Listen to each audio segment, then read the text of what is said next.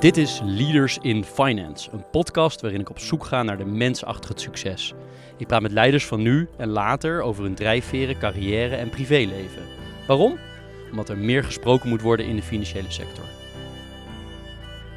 Leaders in Finance wordt mede mogelijk gemaakt door Interim Valley, FG Lawyers en Biscuit. Welkom bij een nieuwe aflevering van Leaders in Finance. Deze keer geen reguliere aflevering, maar een extra aflevering.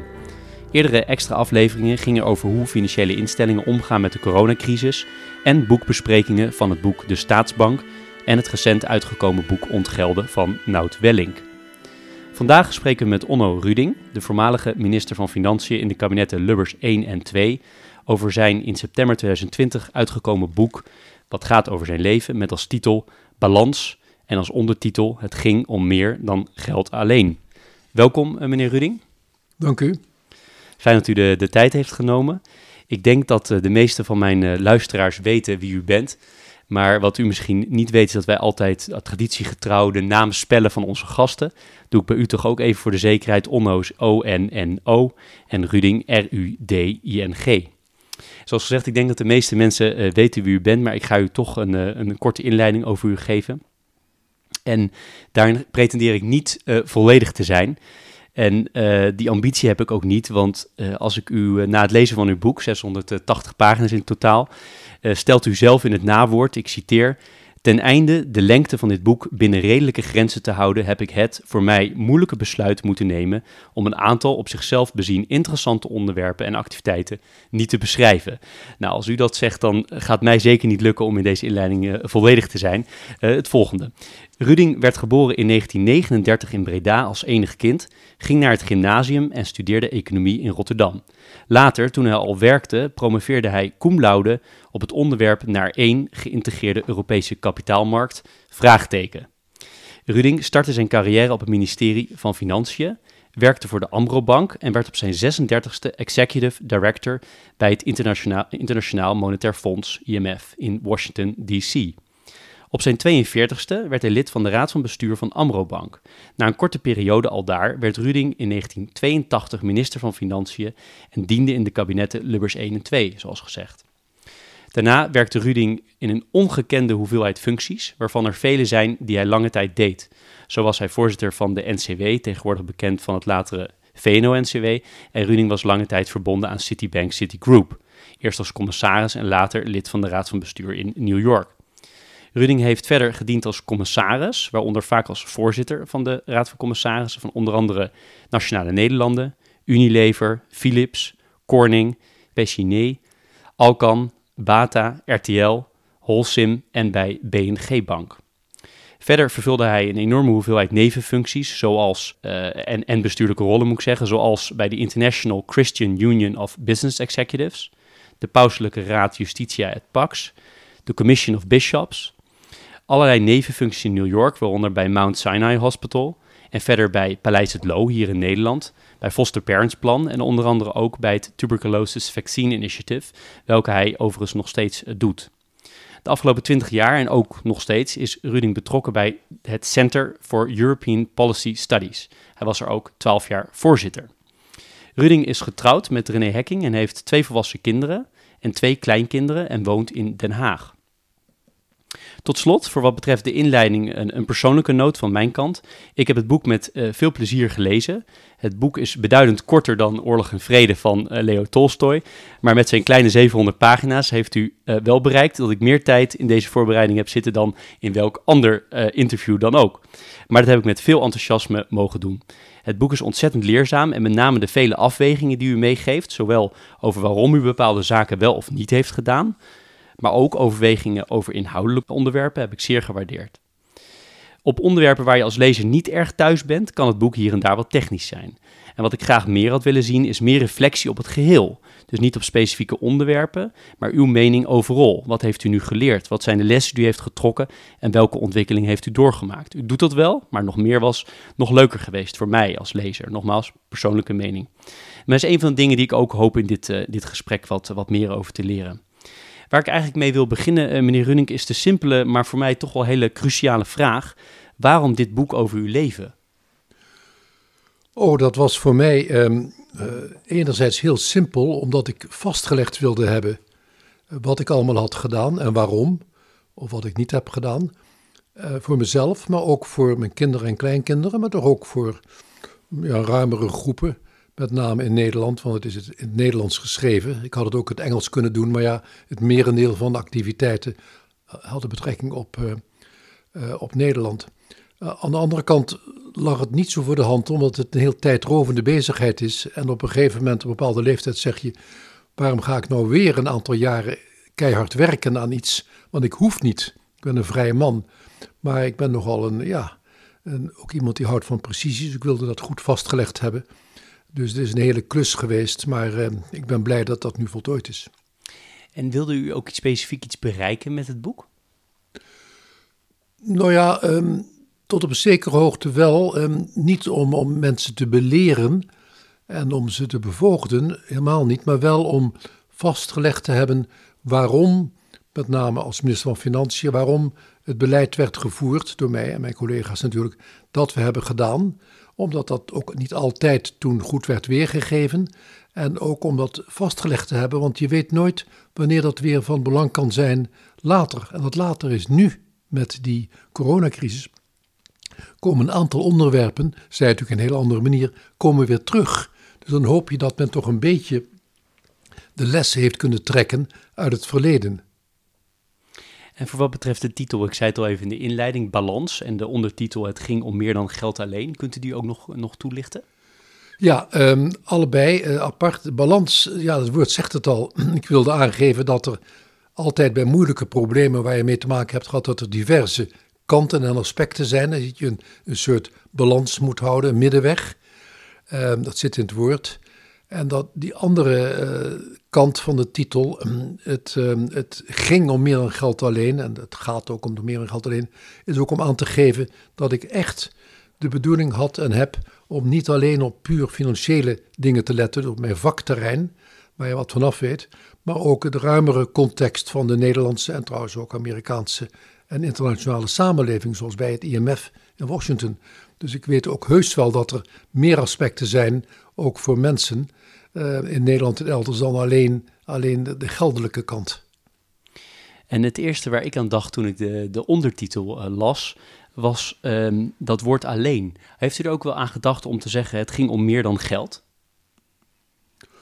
Oh, daar heb ik niet aan gedacht. Dat had gekund. Um, maar um, het ging om meer geld alleen, is, uh, maakt het duidelijker, denk ik. Maar uh, ja, het had, had, ook het andere kunnen zijn. Maakt me niet veel uit. U deelt uw boek in in drie delen, te weten vroegere jaren, het begin en latere jaren. En daarbij deelt u, uh, deelt u daar, daar binnen weer in in thematische onderwerpen en rollen die u heeft vervuld. Heeft u lang nagedacht over deze opzet, deze vorm? Nee, nee.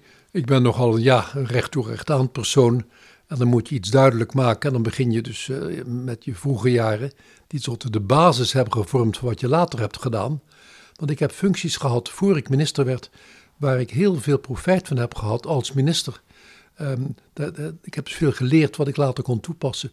En mijn activiteiten na mijn ministerschap, ja, daar heb ik ook zeer geprofiteerd. Ook van de kennis die ik heb opgedaan als minister. Want u moet één ding bedenken, dat geldt voor niet veel mensen, om het even heel eerlijk te zeggen. Het is een heel interessante als je zelf kunt zeggen: ik heb heel veel functies gehad, zowel in de publieke, de openbare sector, als in de private bedrijfslevenssector. Sterk verschillend, dat heb ik uitgelegd in mijn boek. Maar dan kun je de andere kant veel beter beoordelen. Want ik moet nogal eens constateren, helaas, dat mensen die hun hele leven en daar is op zich niks mis mee, hebben gewerkt in de private sector, geen flauw benul hebben hoe het werkt in de overheid, goed of slecht. En ik heb voldoende, honderden politici meegemaakt in Nederland en daarbuiten, die zeker bekwaam waren als politicus in de publieke sector en geen flauw benul hadden hoe het werkt of niet werkt in het bedrijfsleven. En ik hoor, ik hoor in ieder geval bij de kleine groep mensen die allebei van dichtbij heeft meegemaakt. En dan kun je er ook beter over oordelen waarom er fouten worden gemaakt aan de andere kant. Ja, u noemt het geloof ik in uw boek draaideurpassant. Ja, ja, dat is, ja die term was niet van mij, maar um, dat, dat, dat woord wordt gebruikt. Uh, dat je dus van de ene kant naar de andere kant gaat. Maar de meeste mensen doen het één keer. maar ik heb het dus een aantal keren ben ik weer teruggegaan van de publieke sector naar de private en de private naar de publieke. En dat komt weinig voor. Dus dat is die draaideur die dat geloof ik aardig weergeeft, dat woord. U schrijft uh, dat u drie jaar aan het boek gewerkt heeft. Uh, vind ik nog niet eens zoveel, want het is uh, ontzettend gedetailleerd en precies. Um, is, is, is dat, klopt dat, dat het inderdaad drie jaar ja, is? En is, ja. bent u daar dan, werkt u daar alleen aan of heeft u een team gehad? Of hoe moet ik me dat voorstellen? Um, nee, dat is een goede vraag. Um, drie jaar is niet zo lang, want ik deed ook al die andere dingen daarnaast. Want anders word je gek als je de hele dag gaat zitten puzzelen op een boek. maar nou, ten tweede, ik ben een harde werker, dus dat dan besteed je je tijd ook goed. Nou, ik, helaas heb ik in mijn leven, voor mijn politieke leven gaat het dan om, niet een dagboek bijgehouden. Dat is achteraf dom geweest, want dan had je ook veel meer directe gegevens kant-en-klaar kunnen leveren. Want ik heb toen op de 12 februari van dan en dan dat gezegd of gedaan. Maar ik heb wel heel veel um, toch documenten bewaard. En een heleboel andere documenten kun je vinden. Dat kost tijd. Hè. Eh, handelingen van de Tweede Kamer eh, als voorbeeld. Um, bovendien heb ik gelukkig een goed geheugen, dat helpt zeer. En, en, maar met name die aantekeningen, die uh, ik ook toen verspreid heb in het ministerie, dikwijls iedere dag, s ochtends vroeg gedicteerd aan de secretaresse, wat we afgelopen avond hadden besproken, dat zijn, die aantekeningen zijn dus uh, wel bekend in zo'n ministerie, maar die zijn nooit publiek geworden. Dus dat zijn dus nieuwe bronnen waar anderen niet de beschikking over hebben. En dat heeft mij zeer geholpen. Ik denk dat ik anders niet in staat was geweest zo gedetailleerd beschrijving te geven. Want ik vind wel, want ik ben nogal precies, ik vind wel dat als je zegt iets is blauw of zwart, zeker in de politiek in die jaar, dan moet je dat documenteren achteraf wanneer en waarom en hoe je dat gezegd hebt. Anders zijn dat toch een beetje ja, uh, goedkope opmerkingen. En uh, dus uh, dat was eigenlijk de basis op grond waarvan ik met deze klus ben begonnen.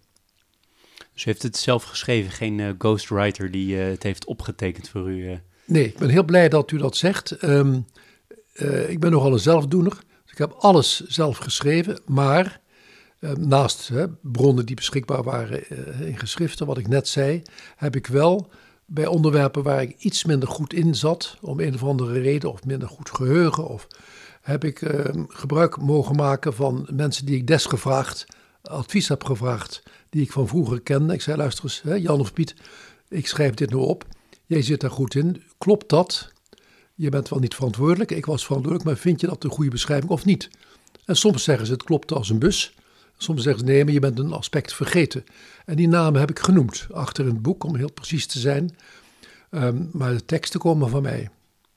Zijn er nog mensen geweest zonder naam te noemen, maar uh, die het boek echt hebben kunnen veranderen? Of die gezegd hebben van, eh, meneer Ruding, u zou toch iets meer dit moeten belichten of dat, en dat het daardoor erin is gekomen?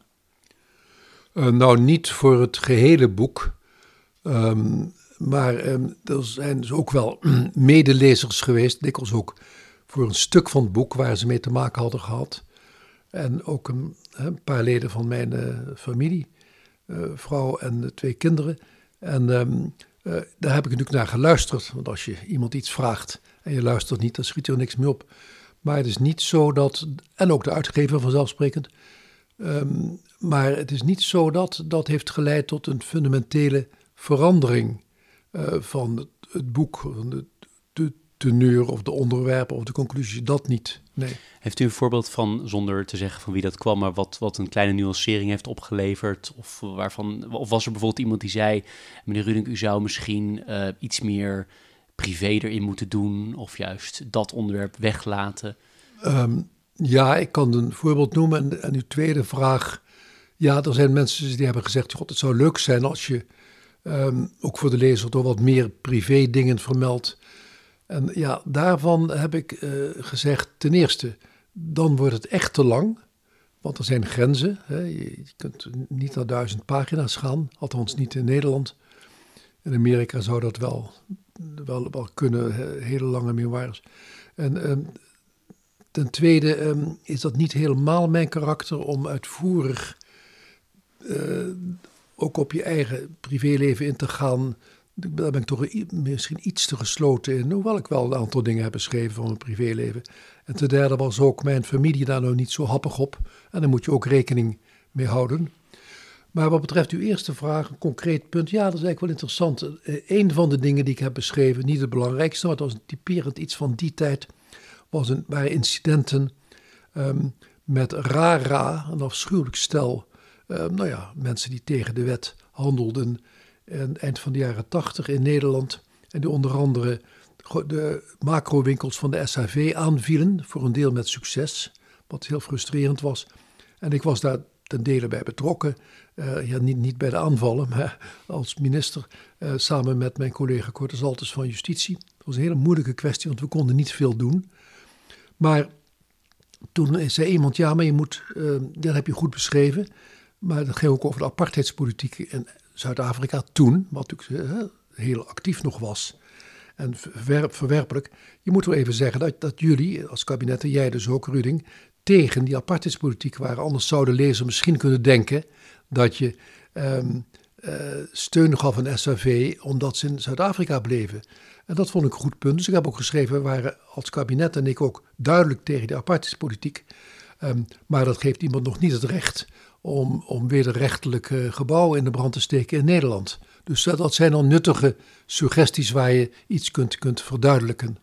Dat is een mooi voorbeeld. En vooral in dat eerste deel, hè, om daar naartoe te bewegen, de, de vroegere, vroege jaren. Daar zit best wel wat, wat, wat privé dingen in. En een vraag die ik daar ook over heb. Uh, u schrijft dat zowel aan uw moederskant als aan uw vaderskant men al twee generatie academici uh, ja. opgeleverd uh, heeft. Um, wat betekende dit voor uw opvoeding? Nou ja, dat is meer om dat toe te lichten voor de lezer die mij niet kent, als die mij niet kent of die die periode niet heeft meegemaakt. Um, ik merkte dat heel veel van uh, mijn, mijn kennissen, vrienden en ook anderen waar je over las en ook nu nog mensen die zeggen: um, Ik ben gaan studeren, of mijn vader of mijn moeder is gaan studeren. Het was volkomen nieuw in onze familie. Dat hebben ze heel goed gedaan, fantastisch. Um, die handicap heb ik niet gehad, want het was al helemaal normaal. Grootouders en ouders, ehm, moeders ook, hè, dat was vroeger niet zoveel het geval. Maar ooms en tantes, ze gaan maar door, allemaal gestudeerd. dus uh, overigens niet de economie, maar allemaal in de medicijnenwereld. Uh, dus ik wilde uitleggen, dat was al helemaal bereikt. Want zeker in katholieke kringen, waar ik volledig uit kom, um, niet zo ingeburgerd nog, ja nu wel, dus om, ja, dan kan men mij plaatsen. Dat, dat was al helemaal normaal. Uh, al twee generaties. En dus ook niet, ook niet iets wat ik zelf bereikt heb. Want dat werd je gewoon met de paplepel inge, ingegoten. Het was geen discussiepunt dat je naar het gymnasium ging. De enige discussiepunt was alfa of beta. Want mijn vader was een beta en mijn moeder een alfa. Ik, ik dan een beta. En later natuurlijk welke studie je ging doen. Dat was belangrijk. Maar, eh, en dan kun je, daar heb ik ook lang over gepeinst toen, dat heb ik ook wel beschreven. Maar dat je ging studeren, dat lag vast.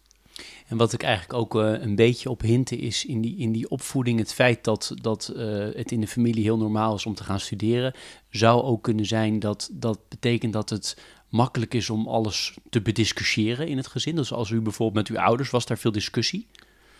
Ja, ja behalve het feit dat mijn vader als chirurg zeer hard werkte, en ook niet altijd uh, beschikbaar was. Maar mijn moeder had wat meer tijd, want in die tijd uh, kwam het weinig voor dat, uh, dat vrouwen fulltime werkten. Nu is dat natuurlijk helemaal veranderd. Dus ja, en, met, en ook met ooms en tantes, um, waar we, ik een heel goed contact mee had. Um, dus je, je, discussieerde wel, wel onderwerpen. Hè, mijn vader had natuurlijk ja, een hele andere invalshoek als arts over maatschappelijke problemen dan ik als, als econoom en financiële man. U noemde het al twee keer. Um, uh, het feit dat vrouwen, meisjes dezelfde kansen moesten krijgen als uh, mannen, jongens. Um, dat was niet normaal in uw tijd. Nou, in mijn tijd was het al bijna normaal. Uh, de tijd meer van mijn, mijn ouders nog niet. Um, en dat heeft indruk op mij gemaakt dat, dat mijn moeder zei: ik kreeg de, dezelfde kans om te studeren als haar drie broers, mijn, mijn ooms dus. Toen zei ik, ja, maar dat is toch normaal? Ze zei, nee, dat was toen een heel moderne, progressieve gedachte van, dus van mijn grootvader, haar vader. En dat, dan leer je ineens iets. Dat zegt van, hé, wat interessant. De samenleving is dus veranderd in één generatie en dan ten gunste op dit punt. En nu is dat bijna ja, helemaal normaal geworden eigenlijk. Wat mij, uh, wat mij al snel opviel in uw, in uw leven, in uw boek dus, uh, is dat u al jong de leiding neemt. Dus u bent uh, president van de roeivereniging SCADI en later ook president van de Senaat van het RSC, het Rotterdam Studentenkoor. Um, waar, waar, komt die, die drang of hoe, ziet u dat zelf om, om de leiding te nemen vandaan? Ja, dat is een goede vraag. Um, ik moet toch iets zeggen, dat klinkt misschien eigenwijs, maar dat zijn functies u noemde er een paar jaar later, heb ik natuurlijk een heleboel andere ook leidinggevende functies gehad, die ik belangrijk vond en heel graag deed. En graag voor gevraagd werd. Ik, ik heb er nooit actief naar gestreefd. dat kwam op mijn pad, ik werd ervoor gevraagd. Dat was ook gemakkelijk, ik hoefde niet campagne te voeren. Um, het ging bijna vanzelf. En dan, het enige wat ik moest doen was ja of nee zeggen. Dus dat maakte het eigenlijk gemakkelijk. En ik heb ook, uh, um, nou ja, wat dat betreft, het gold niet voor alle zaken. Later toen bij de, de, opvolging van het hoofd, de managing director van het IMF, dat was een puur politieke strijd internationaal, heb ik daar wel mijn best voor gedaan. Dat moet je natuurlijk ook, wil je dat bereiken. En dat is toen niet gelukt, ook om allerlei politieke redenen dat Frankrijk dat kreeg. Dus toen lukte dat niet. Maar daarvoor, waar u aan duidt, toen ik jonger was, ja, het, het kwam wat dat betreft gemakkelijk aanwaaien. Nee, waar ik dan vooral zo nieuwsgierig naar ben, is, uh, en dan zegt u waarschijnlijk dat moet u die mensen vragen, maar u heeft vast wel een beeld bij waarom zij u vroegen. Want u wordt niet zomaar op zoveel, dat is natuurlijk geen toeval meer dat u, dat, dat u zo vaak al vanaf studententijd gevraagd wordt om in die bestuurlijke functies plaats te nemen en vaak zelfs in de voorzittersrol. Ja, ja u moet dat die mensen vragen. Ik, ik, ik ben geen uh, psycholoog om dat te bekijken. ik, uh, nou, men wist in ieder geval dat ik beschikbaar was Kijk, als je als student um, uh, heel lang over je studie doet en heel moeizaam dat gaat. En je zou gevraagd worden voor een voorzittersrol, dan moet je oppassen, want anders dan ben je een goede voorzitter van de studentenvereniging, maar je studie gaat naar de maan. Dus dat, dat probleem had ik niet, want die studie liep, liep gesmeerd. Dus dat speelde misschien een rol. En um, ja, men zegt wel eens, maar dat is, vind ik, te gemakkelijk hoor, antwoord. Ja, iemand die, die, die lang is, dat is gemakkelijker dan iemand die klein is. Nou, ik denk niet dat dat nou zo'n... Napoleon is tot ook heel ver gekomen en die was klein. Dus dat, dat vind ik geen sterk argument. Misschien dat u een goed spreker was? Bent? Um, nou, misschien bent. Ik was toen... Ik was niet een handje te voorste. Ik ben überhaupt iemand in een debat met een grote groep... die eerst wat luistert voor ik mijn grote mond open doe. In tegenstelling tot vele anderen... die eerst helemaal niet luisteren en al direct een grote mond opzetten. Dus nee, ik dat betreft ben ik een beetje afwachtend. Of was ik toen ik jonger was afwachtend. Maar in de politiek leer je wel dat je af en toe je mond open moet doen, want anders kakelt iedereen er doorheen en dan is de tijd voorbij bij een interview. Dus maar dat, ja, dat leer je natuurlijk. Mijn, uh, wij kennen elkaar nu een uur, dus het is een hele gevaarlijke uitspraak. Maar op basis van het boek zegt mijn gevoel dat u gevraagd werd omdat um, mensen voelen als mensen uh, verantwoordelijkheid willen nemen. En uh, ik heb wel het idee, als ik dit gelezen heb, dat u, dat u altijd bereid bent om verantwoordelijkheid te nemen. Ik denk dat dat, dat dat een heel belangrijk onderdeel is van het leiderschap wat men in u ziet en zag. Maar dat is, een, uh, dat is geen vraag. Uh, iets anders, wat ik met zeer veel plezier heb gelezen, is dat u zeven jaar intocht Sinterklaas bent geweest in Rotterdam. ik vond het stuk prachtig om te lezen. Ik heb ook een aantal van die smileys bijgezet, omdat ik het ook erg, erg geestig vond. Ehm, kunt u de luisteraar heel kort meenemen in met name dat stuk als u naar Spanje gaat. Ja. Nou, dat was uitzonderlijk. Ik was al jaren stad Sinterklaas voor Rotterdam. En het jaar dat het ook landelijk werd uitgezonden, de intocht van Sinterklaas. Um, toen zei het comité dat organiseerde, uh, Ruding, uh, we zouden graag hebben dat je naar Madrid gaat want dan, en naar Valencia. Dat je de sinaasappelboot bestijgt om te vertrekken, als ik een week voor de inkomst hier, twee weken, om te vertrekken van Valencia met de sinaasappelboot naar Rotterdam om aan te komen een week later. Nou, dat was ook een fantastische kans als je 21 bent en, en je mag je reis doen toen met een vliegtuig. Het was toen niet dagelijks kost.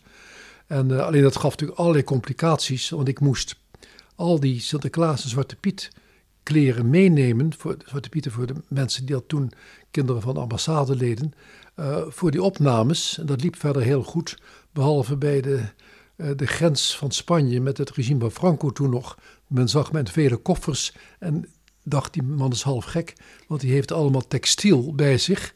Maar toen zagen ze ook ineens grote staven goud. En dat was helemaal geen goud, dat was dus koper. Dat waren die stukken van die grote staf van 2,50 meter hoog, die in elkaar waren geschroefd. En ik was dus een goudsmokkelaar. Nou, mijn Spaans was afwezig, dus ik kon dat niet uitleggen. En zij spraken geen Engels of Frans of Duits of Nederlands. En uh, toen ben ik bijna aangehouden. En gelukkig heeft de Nederlandse ambassade mij gered.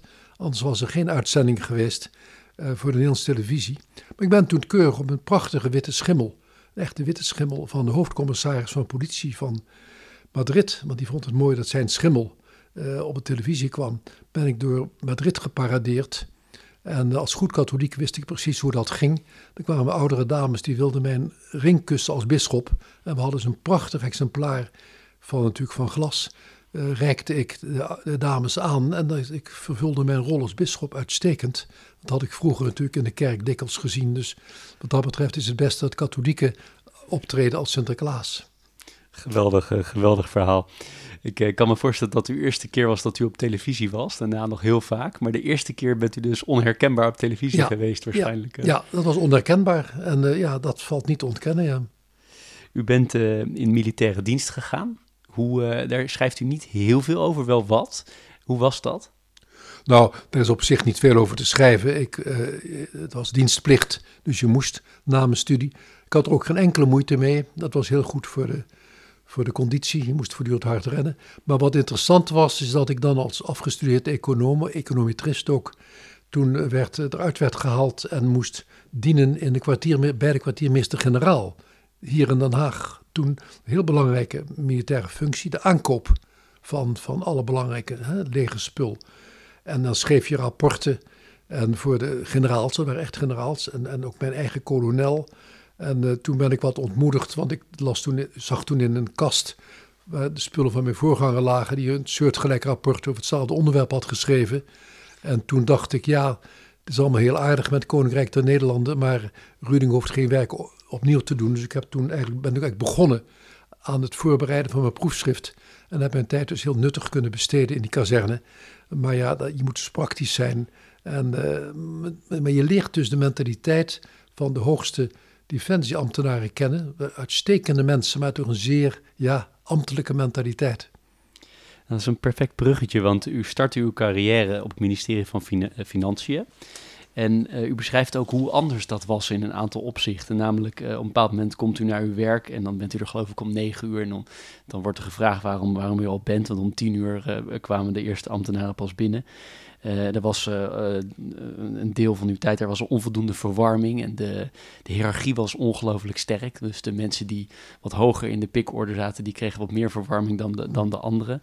Um, dat is toch echt wel heel anders vandaag de dag, zou ja. ik zeggen. Maar mijn vraag is eigenlijk, zitten daar ook, zijn er ook dingen veranderd van u zegt, nee, dat was eigenlijk toen wel veel beter dan nu? Nou, ik, ik hoor niet bij de groep die in het algemeen en ook op dit punt zegt, het was vroeger allemaal beter. Um, maar wat ik interessant vond toen, um, ik kwam natuurlijk logisch nieuw als jonge ambtenaar binnen op zo'n ministerie, heel veel van geleerd. Maar het was een omslag, wat ik interessant vond, van ambtenaren, zeer bekwame ambtenaren, uh, bijna allemaal juristen, naar in die tijd naar economen. En ik hoorde daarbij en diverse anderen, ook op andere departementen, dat men kennelijk een andere manier van denken kreeg. En dat sprak mij natuurlijk aan, want als econoom kreeg je nog betere kansen. Maar men was toch voldoende modern, ook al in die tijd, om te zien: hé, hey, we moeten die problemen anders bekijken dan puur formeel juridisch. Dus dat viel mij toen al op. Ik was 25 toen, en, uh, die verandering. En, uh, en bovendien dat men, dat vond ik heel positief, en dat is nu nog hoor, uh, dat is niet veranderd, dat men jonge mensen, dat was ik toch toen, een echt een mooie kans gaf om ook een, een, nou ja, op een lager niveau maar een, rol te spelen. Het was helemaal niet de mentaliteit van nou, wij zijn oudere heren, het waren natuurlijk alleen heren, er waren geen dames toen op zo'n ministerie. Um, uh, wij weten het beter en je houdt je mond maar en je mag alleen de noodhoeden schrijven. Nee, ik vond dat eigenlijk een hele, hele redelijke mentaliteit waar ik me zeer thuis voelde. U schrijft dat u uh, uw zakelijke en persoonlijke focus uh, in, in, in eigenlijk de tijd, in alle tijd die in, van uw werkende, werkende leven op drie essentiële onderwerpen vaak terugkwam. Multilaterale organisaties, Europese integratie en Atlantische samenwerking. En volgens mij is dat nog steeds zo, maar u moet me anders uh, tegenspreken. Ehm, doet de huidige tijd, waarin dit, dit eigenlijk alle drie onder druk staat, doet u dat pijn? Ja, heel kort duidelijk antwoord. Nou, ik ben blij dat u die, die drie cruciale elementen uh, noemde, voor mijzelf, maar ook voor Nederland. Ik zat helemaal in de Nederlandse traditie natuurlijk, van die drie elementen. En um, um, ja, die zijn nu, eh, de laatste jaren, toch vooral verzwakt door het optreden van Amerika. In feite president Trump, daar hoeven we nou niet nader op in te gaan, dat troosteloze onderwerp. Maar de verzwakking van de Atlantische samenwerking, die tenslotte toch ja, nu speelt, door de houding van Amerika helaas. De verzwakking van de, van de multilaterale mondiale instellingen zoals IMF en Wereldbank, die overigens nog steeds belangrijk functioneren, maar uh, ondanks de tegenwerking van, van, uh, van Amerika, um, dat is ook moeilijker. En de Europese samenwerking is niet minder belangrijk geworden. Dat speelt niet maar. Er zijn natuurlijk duidelijk meningsverschillen in Europa. Maar ik geef toe dat toen was dat eigenlijk allemaal uh, ja, duidelijk voor iedereen. In Nederland althans, in mijn wereld. En dat is nu niet voor mij, maar voor anderen kwestieus geworden. En dat, ja, dat doet pijn. Ik blijf nog weer even terug in de chronologie. In 1970 wordt u gevraagd zich kandidaat te stellen voor de gemeenteraadsverkiezingen in Den Haag voor de KVP. Uh, en u zei ik wil alleen lijstduur worden. Um, is dat de eerste keer dat u serieus politiek actief werd, tussen aanhalingstekens, want u, u, deed niet per se iets op dat moment. Um, of was u eigenlijk altijd ook al van plan, dat is de tweede vraag, van plan om de politiek in te gaan? Nee, dat is een belangrijke vraag. Het, het, die tweede punt is een duidelijk antwoord nee. Ik dacht toen niet erover om zelf echt de politiek in te gaan. Dat deed mijn familie ook niet. Het, was niet met de paplepel ingegoten. Maar um, uh, ik was wel politiek geïnteresseerd toen, hè, de, KVP. En ik zat ook in een paar commissies. Dat vond ik heel interessant op economisch, financieel en Europees terrein van de KVP. Graag aan meegewerkt. Maar dat ja, dat is minder belangrijk met alle respect. De gemeenteraad van Den Haag, daar werd ik voor gevraagd omdat ik mensen kende, of ze kenden mij. En toen zei ik, ja maar luister eens, uh, misschien ben ik hier volgend jaar niet meer, of over twee jaar. En ik, ik heb een drukke baan, je moet van mij niet, niet veel verwachten. Nou, wil je dan lijstduurder zijn? Ik zei, nou, wat is dat? Dat wist ik veel. Ja, dan sta je helemaal onderaan en dan word je zeker niet gekozen. Ik zei, nou, dat is precies de bedoeling. Want kijk, voorkeurstemmen speelden toen nog nauwelijks. Nu is dat heel anders, hè? En uh, als jullie maar garanderen dat ik niet gekozen word en als je denkt dat het leuk is dat die naam eronder staat, dan is dat best. Nou, zo is het ook gebeurd. Dus ik was kansloos. En ik was ook heel tevreden dat ik kansloos was. Anders had ik het moeilijk kunnen combineren met, met, met al die internationale reizen die ik maakte. Maar voor de volledigheid, dat was wel de eerste keer dat het theoretisch u echt de politiek in had gekund. Ja, ja dat is waar, maar natuurlijk wel part-time, gemeenteraad in die tijd. En uh, dus dat was eigenlijk een, een beetje een klein zijstapje. Um, ik noemde het al in de inleiding. U promoveerde cum laude op het onderwerp naar één geïntegreerde Europese kapitaalmarkt, vraagteken. En u schrijft, ik citeer, dat onderwerp heeft mij in alle functies na 1969 50 jaar lang bezig gehouden. Waar staan we vandaag, is mijn simpele vraag. Maar met een moeilijk antwoord waarschijnlijk. Nou ja, het antwoord is in die zin niet moeilijk. Dat, uh, die vraag, dat vraagteken staat er nog steeds. U hoeft, uh, dat doet u zelf natuurlijk ook, de financiële pagina's in de kranten maar te lezen, omdat bijna iedere dag staat er nu een, toch weer een, een tekst over voorstellen, goede voorstellen geloof ik, van de Europese Commissie, om meer te doen aan het werkelijk bereiken van een echte Europese kapitaalmarkt. En dan denk ik, Ruding, dat heb ik meer dan 50 jaar geleden ook al gezegd. Dus zo zie je hoe, die, hoe lang zo'n proces duurt. Er is intussen heel veel voortgang gemaakt, maar er is, er is een heleboel bereikt op het gebied van de, van de interne markt met goederen en in mindere mate diensten. Maar op kapitaal is er nog steeds niet, na meer dan 50 jaar, een echt Europese kapitaalmarkt. Dus wat dat betreft, eh, dat klinkt een beetje eigenwijs, is dat proefschrift nog steeds zeer actueel. Ik zou het niet aanbevelen om het te lezen, uh, dat, dat hoeft ook niet meer. Maar het, het, het, het, het, het slechte en het goede van iets is dat, dat iets nog steeds actueel is. Dat is goed voor de schrijver misschien van toen, maar het slechte is dat je hoe langzaam de voortgang is die men kan maken. Maar dat vind ik interessant, hè? want dan impliceert u dat er voort, vooruitgang is. Hè? Dat kunnen we dat echt stellen? Want ik weet nog, toen ik in, in Londen studeerde, nou, 15 jaar geleden, toen hadden we vaak theorieën over Europa. De, de ene kamp zei, het is muddling through, maar wel uiteindelijk to an ever closer union. Um, en andere theorieën die zeiden van, ja, het gaat op en neer, maar op een bepaald moment kan het ook in één keer uit elkaar knallen. Uh, u zit wel in het kamp van, het, uiteindelijk maken we stapjes vooruit richting een meer federaal Europa? Ja, ik zou het woord federaal niet, niet gebruiken, want dat was toen de, de, de vakterm waarmee men echt bedoelde een politieke integratie. Dan kun je voor of tegen zijn, daar kunnen we uren over praten, maar dat zit er niet in. Maar ik zie wel, een, ja, ook dat kun je leuk of niet leuk vinden, een toenemende mate van integratie met vallen en opstaan, met ook de fouten die zijn gemaakt, dat weten we allemaal, de eurocrisis en gaan maar door en de bankencrisis. Maar dat betekent wel dat er toch een toenemende mate van integratie is. De enige grote uitzondering daarop is die rampzalige Britse houding met de brexit.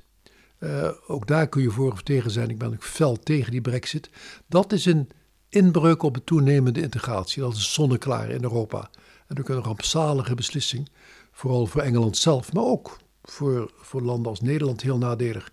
Maar elders uh, zie je toch een toeneming van, van de integratie maar niet, niet op alle terreinen, want er blijft natuurlijk toch heel veel nationale soevereiniteit bestaan.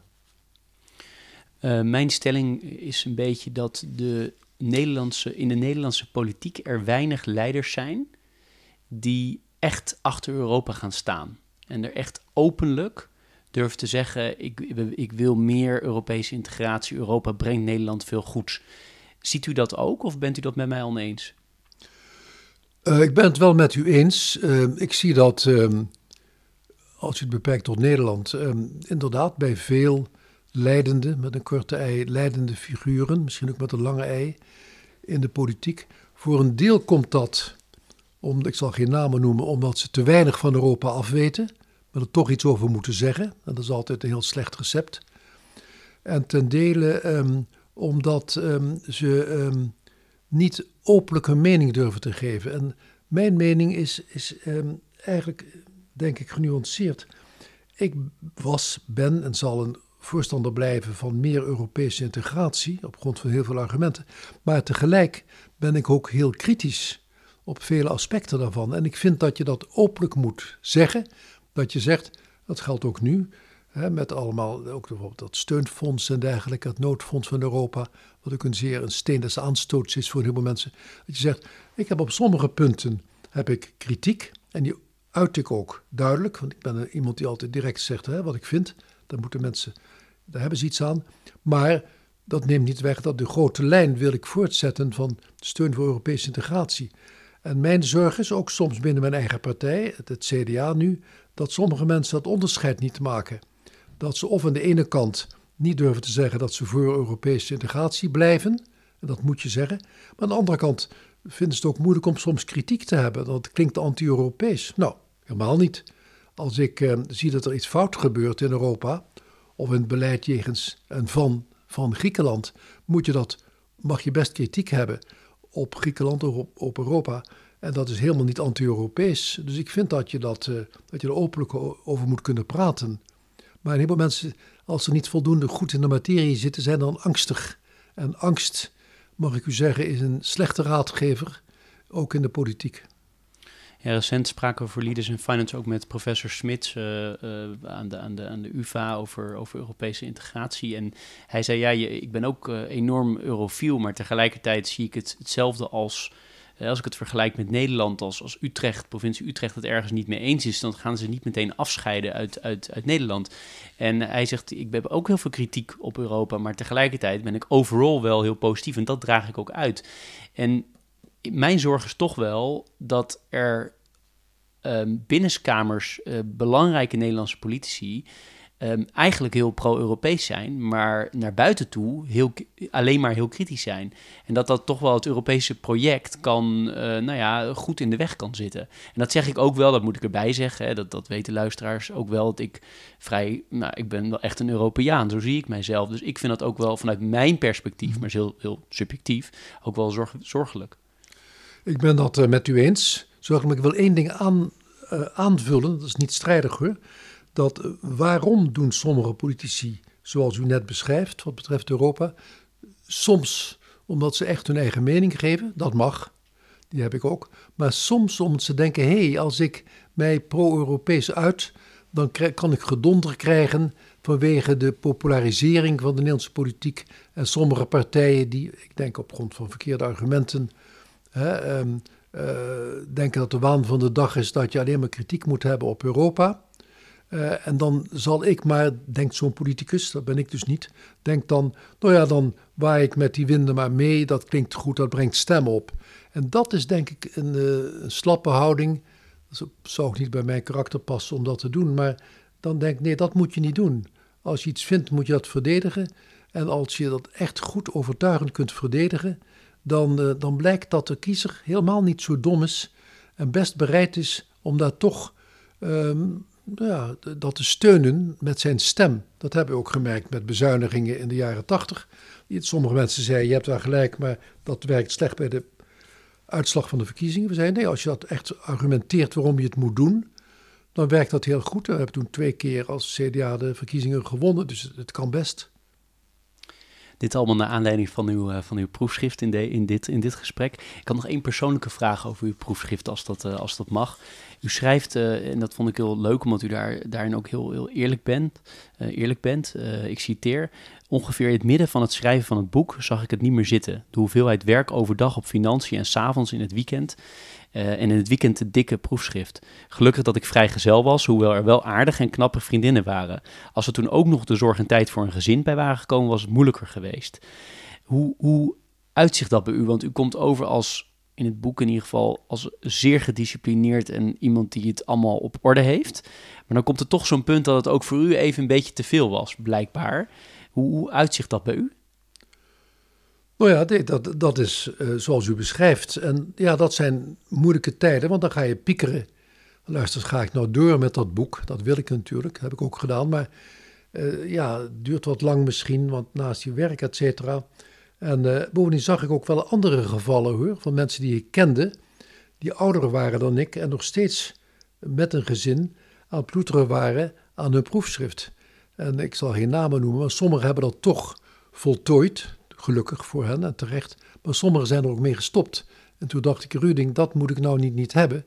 Het mag ook niet hè, een, een, een, een, te grote druk uit gaan oefenen op je privéleven. Dat was toen nog niet het geval, maar het had kunnen zijn als ik hè, zou gaan trouwen. Dat heb ik later wel gedaan, dat was na mijn proefschrift.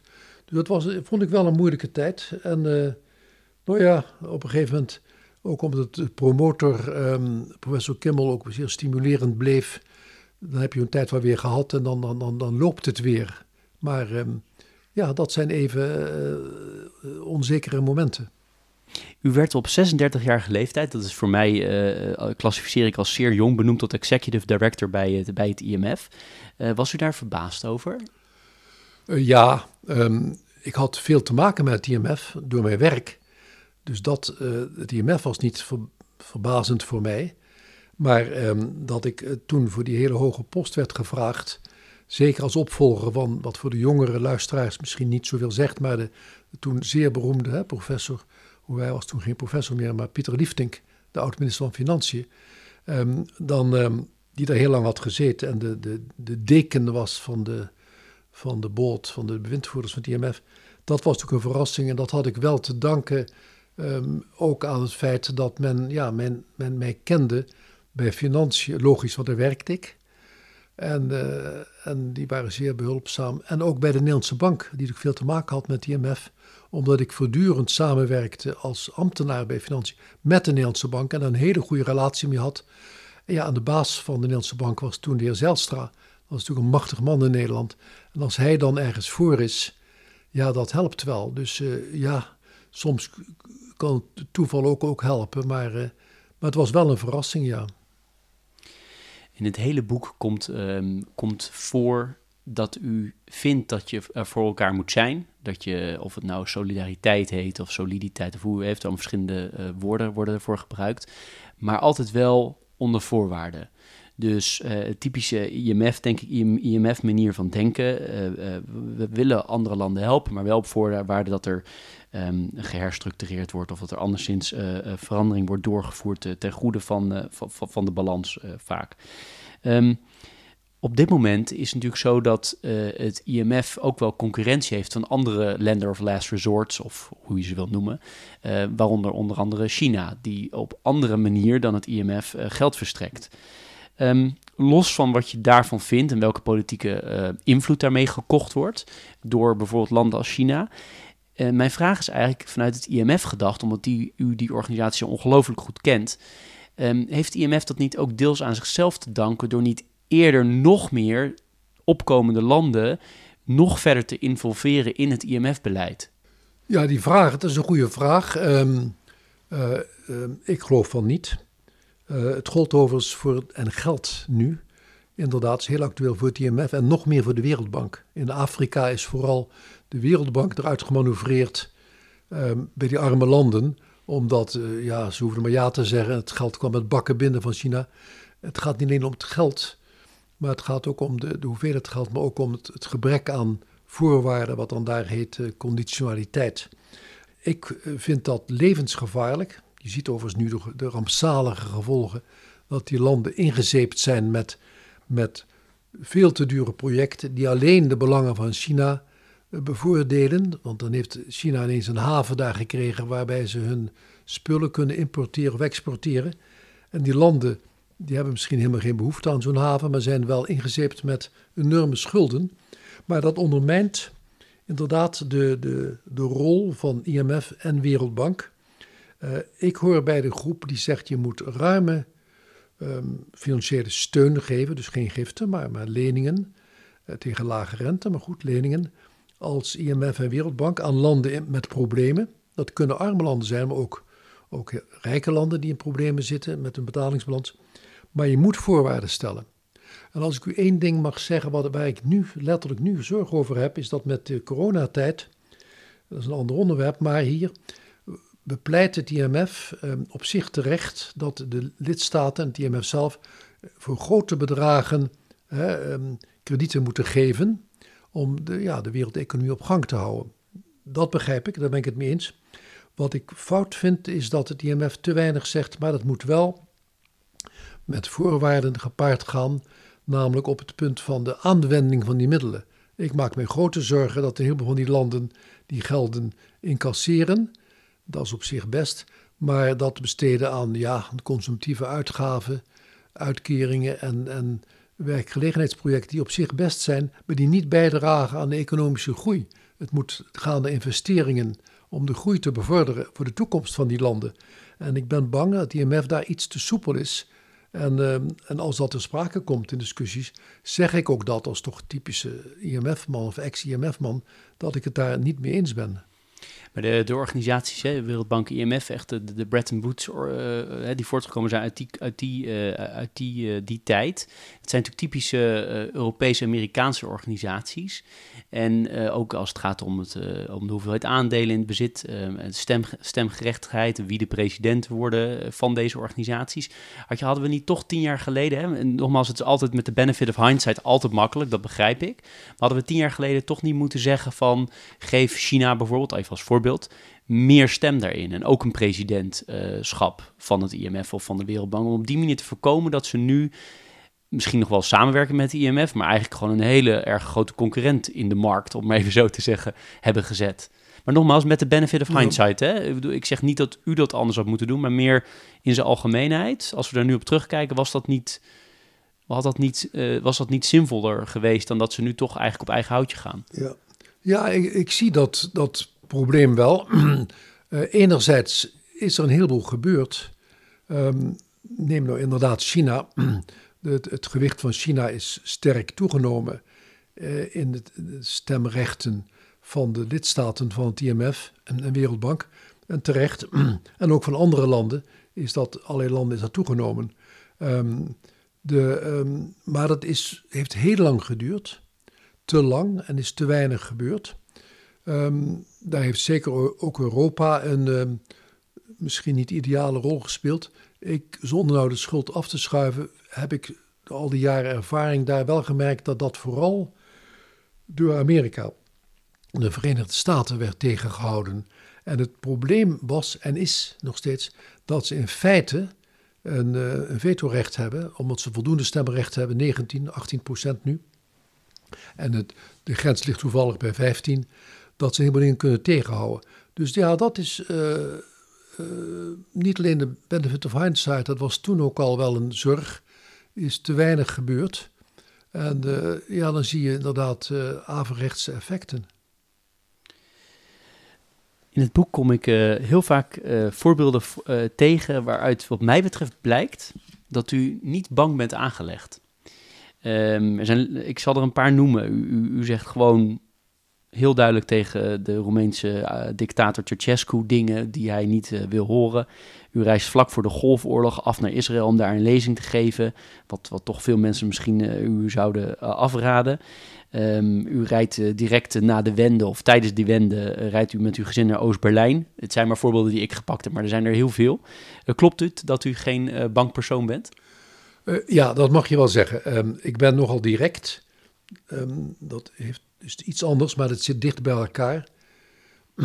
dat sommige mensen vinden dat ja, ten eerste typisch Nederlands, dat is natuurlijk waar. Vele van mijn opvolgers als minister van Financiën leiden daar kennelijk ook onder.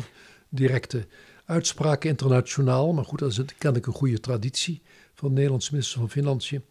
Maar, um, uh, maar ik ben ook bereid, um, nou ja, als je iets vindt, die maatregelen te nemen, of althans voor te stellen als je het niet alleen mag nemen. En, maar ik wil een punt daaraan toevoegen. En die voorbeelden van u die passen daar aardig in. uh, ten, wat betreft ook dat die reis naar Israël. afspraak is afspraak. Ook in de politiek. Als je iets hebt afgesproken, dan kun je over twisten of je dat juist vindt of niet. Hè? Later, dan mag iemand anders niet mee eens zijn. Maar dan moet je daaraan houden. En, en ik heb politici meegemaakt, heel veel, in Nederland en daarbuiten, die dat ook hebben gedaan. En daar kon ik goed mee opschieten. Ik heb er ook heel veel meegemaakt, ik zal geen namen noemen, want daar ben ik hè, drie dagen bezig, die zich niet hebben gehouden aan afspraken in Nederland en daarbuiten. En dan zeg ik, voor zover ik me het kon permitteren, nou vriend, we hebben het wel gehad met elkaar. Dus ik vind dat dat heel belangrijk is. Afspraak is afspraak. en als je dat vertaalt als niet bang zijn, ja, dat, dat, dat is wel, wel waar. En dat heb je soms ook. Krijg je daar nadelen van? Een van de redenen, ik heb het ook geschreven in mijn boek, waarom ik, als je achteraf erover nadenkt, toen niet werd gekozen als voorzitter van de, de, de, managing director van het IMF, was dat ik in de jaren toen als minister veel kritiek heb gehad op de onderontjes van een aantal grote landen, dat heet de G5 of de G7, die vonden dat niet leuk, dat begrijp ik. En hebben later dus ook dan een aantal van hen gezegd, dan moeten we Ruding niet hebben als voorzitter van het IMF. Ja, dat zijn dan een beetje de consequenties van een hard standpunt. En dat, ja, dat kan soms zo uitwerken, maar ik ga niet om die reden mijn standpunt veranderen. Uh, u noemt in de marge van uw keuze om minister te worden en dus te vertrekken bij AMRO dat, ik citeer, Daarnaast speelde het financiële aspect. Ik was sinds kort voor het eerst goed gaan verdienen als lid van de RVB van AMRO. Dat ministerschap betekende een forse daling van mijn inkomen. Hoe belangrijk is geld voor u, voor uzelf, voor u persoonlijk? Um, niet het allerbelangrijkste, helemaal niet. Want dan was ik andere dingen gaan doen. Um, maar je moet wel rekening houden met de praktijk. En ik had, ik had geen geld voor mezelf. Um, en ja, wel een, een, een jong gezin. En uh, met een hypotheek en dergelijke. En toen een hele hoge rente, vergeet dat niet. De rente was toen tussen de 8 en 9 procent per jaar. Kom, kom daar nou eens om voor een hypotheek. dus je moest uh, daar wel een beetje rekening mee houden. En toen, ja, dan heb ik ook openlijk gezegd, uh, dat is een moeilijke beslissing, maar het is mijn verantwoordelijkheid. Dan moet je ook later niet klagen. Uh, maar het, is een, uh, het was een forse achteruitgang. En moet, u moet wel bedenken, voor een heleboel mensen die minister worden, is een ministersalaris heel aantrekkelijk. En dat, dat begrijp ik. Dus het was geen probleem voor die mensen om dat te aanvaarden. Voor mij wel, maar ja, dan zeg je ook ja, er zijn andere dingen die nog belangrijker zijn dan een, een, een hoog, hoog salaris. Want dat had ik toen inderdaad. En dan ga je flink achteruit. Nou ja, dat is, dat is je eigen afweging. Nou, ik denk dat de huidige minister van Financiën ook uh, beduidend minder is gaan verdienen, maar dat, uh, dat terzijde. Um, want later bent u natuurlijk uh, bij de, vooral bij Citigroep zal, zal, zal, dat natuurlijk een heel, andere, um, nou, heel ander verhaal geweest zijn. Maar is het in uw keuzes voor dingen, heeft het ooit een beslissende rol gespeeld? Nee, want dan was ik, um, wat ik net zei, andere dingen gaan doen soms. de nee, een heleboel um, functies en activiteiten heb ik uh, aanvaard. Um, omdat ik dat interessant vond of zinvol of, of leuk of welk woord je ook wilt gebruiken. Maar niet vanwege de, de geldelijke overwegingen. En uh, bijvoorbeeld de, de BNG-bank, de Bank Nederlandse Gemeente, wat ik tot redelijk kort geleden heel veel jaren met plezier heb gedaan als president-commissaris. Um, daar waren en zijn de, de betalingen aan commissarissen laag. Dat past ook een beetje bij het karakter van de instelling. Maar dat vond ik geen enkele rem, omdat ik vond dat voor de Nederlandse samenleving heel belangrijk dat die BNG-bank zijn rol, haar rol bleef spelen. En uh, dat je daar een bijdrage aan levert. Dus um, nee, het inkomen speelt wel een rol, maar mag niet alles bepalend zijn. U bespreekt uitgebreid hoe je overheidsfinanciën beheerst. En dat vond ik ontzettend interessant om te lezen, wat je daar allemaal aan kan doen. En u spreekt ook geregeld over wat u noemt budgettaire trucs, die uh, spending uh, uh, ministers, zoals u ze noemt, en anderen uithalen om toch meer geld te krijgen voor hun bepaalde ministeries of voor bepaalde beleidsdoelen. Is dat iets wat nog steeds precies hetzelfde is vandaag de dag? Dat er allerlei budgettaire trucs, zoals u het noemt, gebruikt worden om toch te proberen op een andere manier geld te krijgen? Uh, absoluut. Dat is van alle tijden en van alle landen. En dat is niet tegen de wet. Althans, soms is het tegen de wet, maar dan moeten de mensen in het gevangen. Maar dikwijls, ja, dat mag je afspreken en proberen. het was toen wel meer, denk ik, een probleem dan nu. En dat heeft niet zozeer te maken met wie minister van Financiën is als persoon. Maar toen was er een cultuur ontstaan dat je kon eigenlijk op allerlei manieren best proberen de overheid de schatkist meer te belasten dan verantwoord was en ook wat uh, wettelijk wel was toegestaan, maar um, door um, trucs, ja, dat was het woord. En uh, dan ging je garanties vragen, want garanties kosten niks, wat voor iedere simpele financiële man duidelijk een, onzinbewering is, maar goed. En dat men dan zaken verschoof, hè, zei ja, maar ik wil nu de toezegging hebben en ja, dat kunnen we misschien met de begroting van volgend jaar doen. En zo kan ik een heleboel voorbeelden noemen. Daar, eh, dat was de helemaal de mentaliteit dat ook een Tweede Kamer, ongeacht welke politieke partij, een Kamerlid een voorstel kon indienen voor meer uitgaven en dan verder zijn mond hield. In de zin van niet zei hoe de financiering moest zijn. En toen heb ik toch ingevoerd, met steun natuurlijk van mijn collega's in het kabinet, ja, boter bij de vis, dat was de kreet. Hè? Als u meer geld wilt uitgeven voor ik noem maar iets, voor defensie, hè, meer, meer tanks of voor uh, uitkeringen, bijstand. Daar kunnen goede gronden voor zijn. Wilt u dan tegelijk aangeven waar elders kan ik minder gewicht moet worden gegeven aan overheidsuitgaven, dat we die dus kunnen verminderen en dan is daarover te praten. Oh nee, dat was niet de bedoeling, et cetera.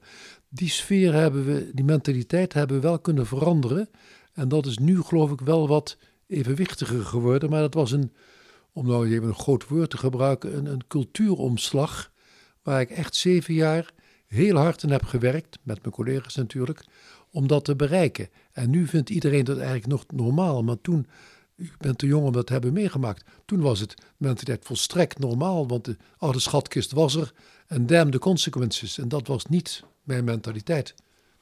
Nee, u schrijft ook een van de, de wetten van Ruding, uh, die luidt de weg naar de budgettaire geplaveid met garanties, waar u het net over had. Wat ik ook wel interessant vond om te lezen, is dat het ook, dat u ook zegt van het is eigenlijk helemaal niet partijkleurgebonden, want ook ministers van, um, van, van, hele andere partijen dan uw partij, die, die gingen er eigenlijk wel in mee. In meer focus op, uh, op discipline, of hoe je het wil noemen, maar in ieder geval meer... Um, um, nou, meer gericht op een, op een niet, te, niet oplopende tekorten.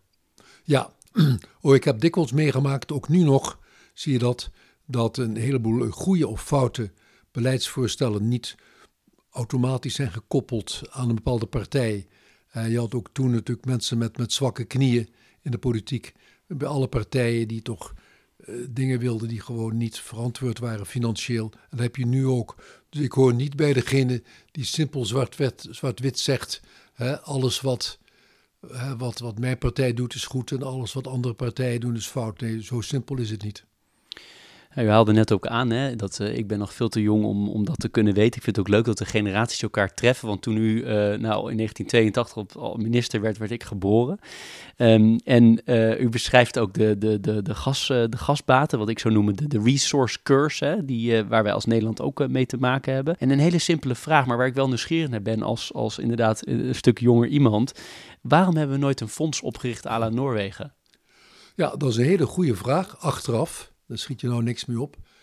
Waarom hebben de Nooren dat gedaan? Omdat die heel slim zijn gaan vragen bij de Nederlanders. Hoe hebben jullie dat gedaan?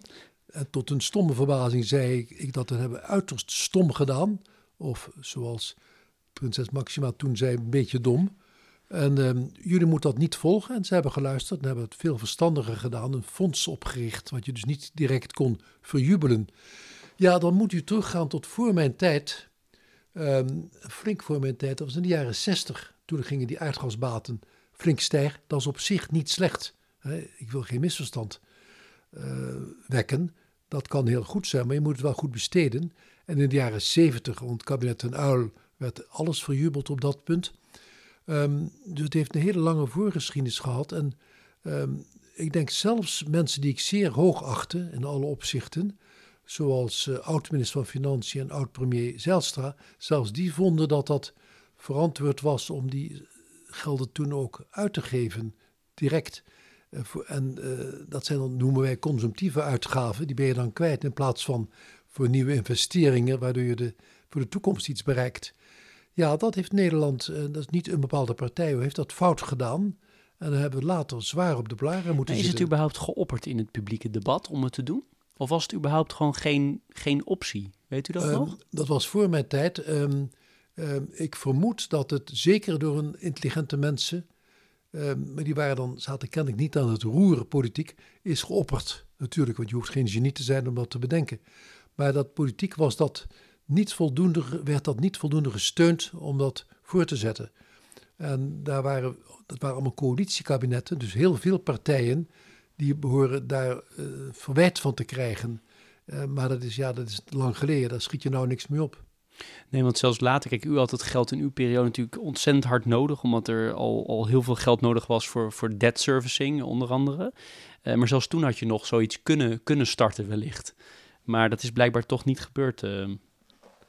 Nee, als je zo'n groot tekort hebt, kun je wel heel, heel vroom gezicht trekken en zeggen we gaan een fonds maken. Maar dan hadden we hè, toen hè, moeten gaan bezuinigen op de, op de uitkeringen van de bijstand en dergelijke. En dat is, ja, of u was zelf naar het IMF vertrokken ja, om daar ja, geld te vragen. Ja, ja en dat, daar had ik geen zin nee. in. Nee. Iets anders wat mij uh, altijd verbaast uh, is uh, de, de Belastingdienst. U schrijft daarover, ik citeer, in de twee decennia na ongeveer 2000 is de Belastingdienst een essentiële overheidsdienst geleidelijk in een droevige staat van permanente crisis geraakt. Hoe komt dit nou als je dat makkelijk, als u dat makkelijk zou kunnen duiden? En, en waarom duurt dat nu al twintig jaar wat u betreft? Wat, wat, hè, dat, ja. dat is uw mening uh, daarover. Nou, het is een hele essentiële vraag, want heel veel mensen in Nederland lijden daaronder. Natuurlijk vooral de mensen die daar hè, met die uitkeringsellende en de, de, de, de kinderverblijven en al, hè, alle uh, bedragen die ze moesten betalen, die onjuist bleken, dat is heel erg. Maar hoe is dat gekomen? Nou, uh, een van de factoren, um, belangrijke factoren, was dat men besloten heeft, uh, kort na het jaar 2000, uh, 2000 om de Belastingdienst eh, op zich belangrijke nieuwe taken te geven die ze nooit hebben gedaan. De Belastingdienst, dat begrijpt u, is traditioneel deskundig. Het enige wat ze ooit gedaan hebben is geld innen. En um, op de goede manier natuurlijk, hopelijk. En toen moesten ze ineens allemaal geld gaan uitgeven. Dat is een heel andere. Toen moesten ze gaan controleren of dat juist de uitgaven waren. Daar waren ze niet voor geschikt. Daar hadden ze de mensen niet voor. Dat is een blunder geweest. Dat is niet gekomen van de Belastingdienst zelf. Dat heeft de politiek bepaald, de Tweede Kamer. En met steun misschien van sommige ministers.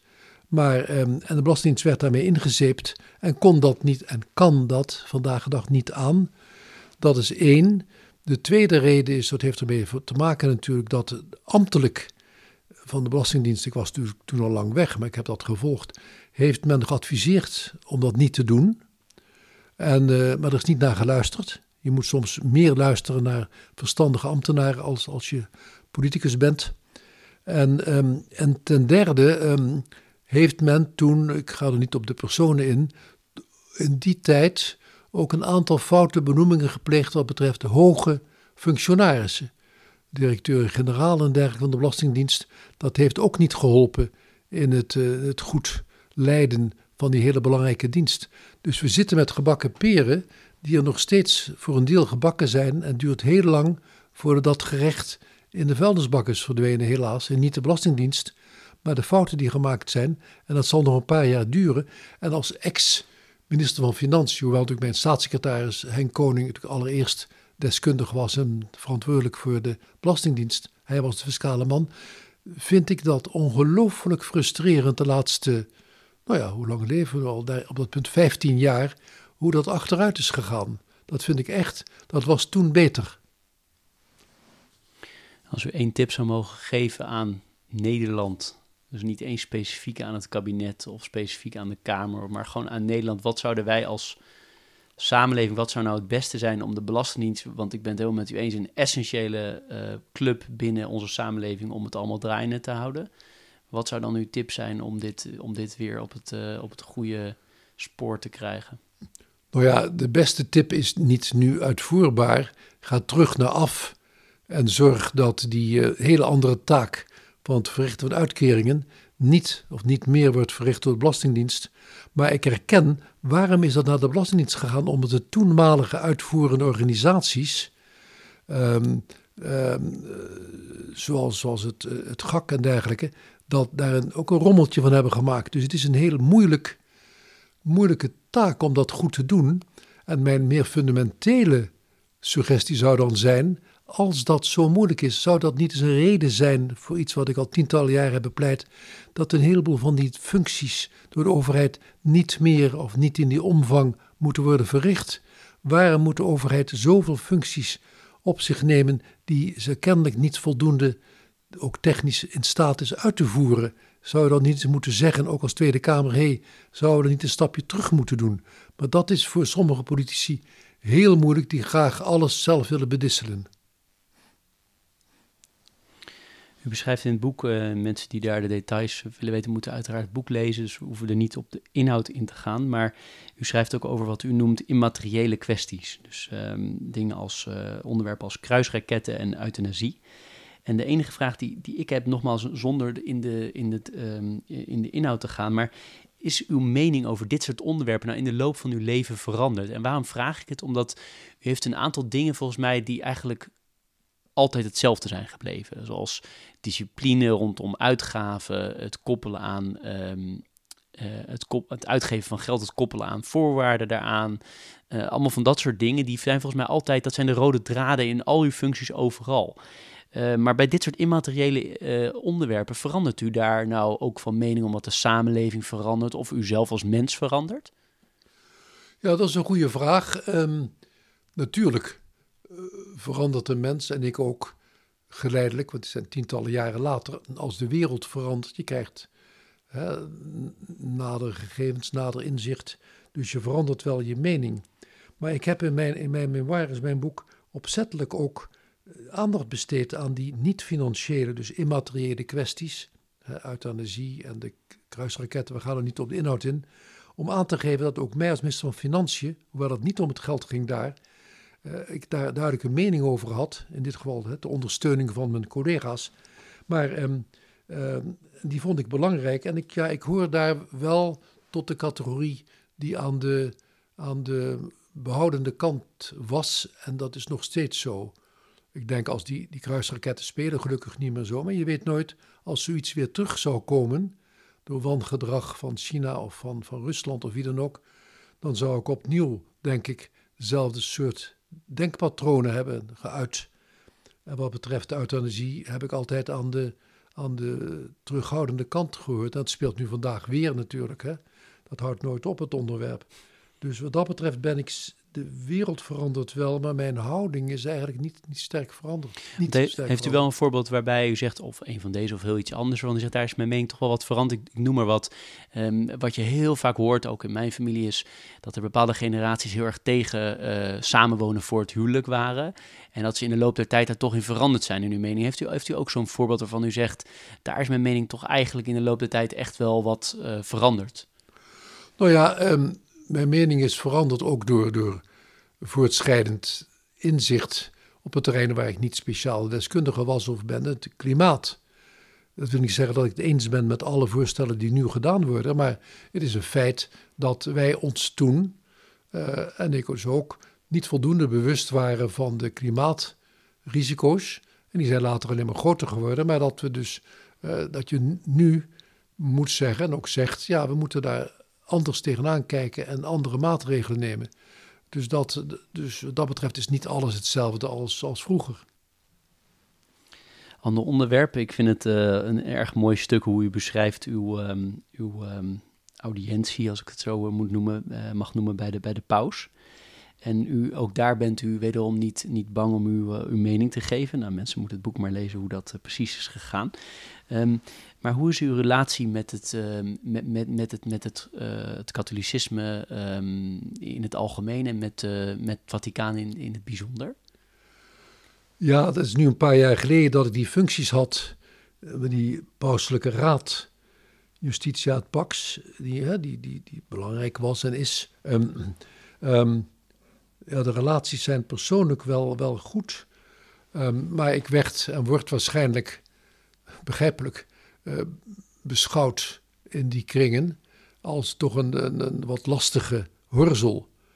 Uh, die ten eerste, uh, ja, ik had en heb toch wat meer, ja, laat ik het woord maar gebruiken, progressieve ideeën op, op allerlei terreinen dan de, mijn katholieke kerk, en met name het Vaticaan. Ik heb het er niet speciaal over Nederland, Vaticaan. En ten tweede had men moeite met het feit dat ik dat ook openlijk zei. Want je schiet er weinig mee op om iets te vinden en dan je mond te houden. Omdat je bang bent dat mensen boos worden. Ja, dat was niet, niet gebruikelijk in die kringen. En uh, je zegt het wel op een hele keurige manier, maar duidelijk.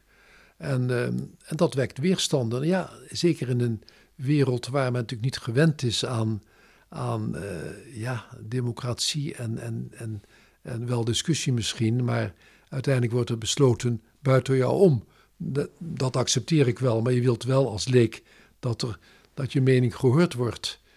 En, uh, maar ja, ik weet ook wel dat dat niet altijd werd, werd gewaardeerd in, in Rome en in het Vaticaan. Nou, dat zij dan zo. Ik, uh, je hebt natuurlijk je grenzen aan je mogelijkheden, dat zie ik wel.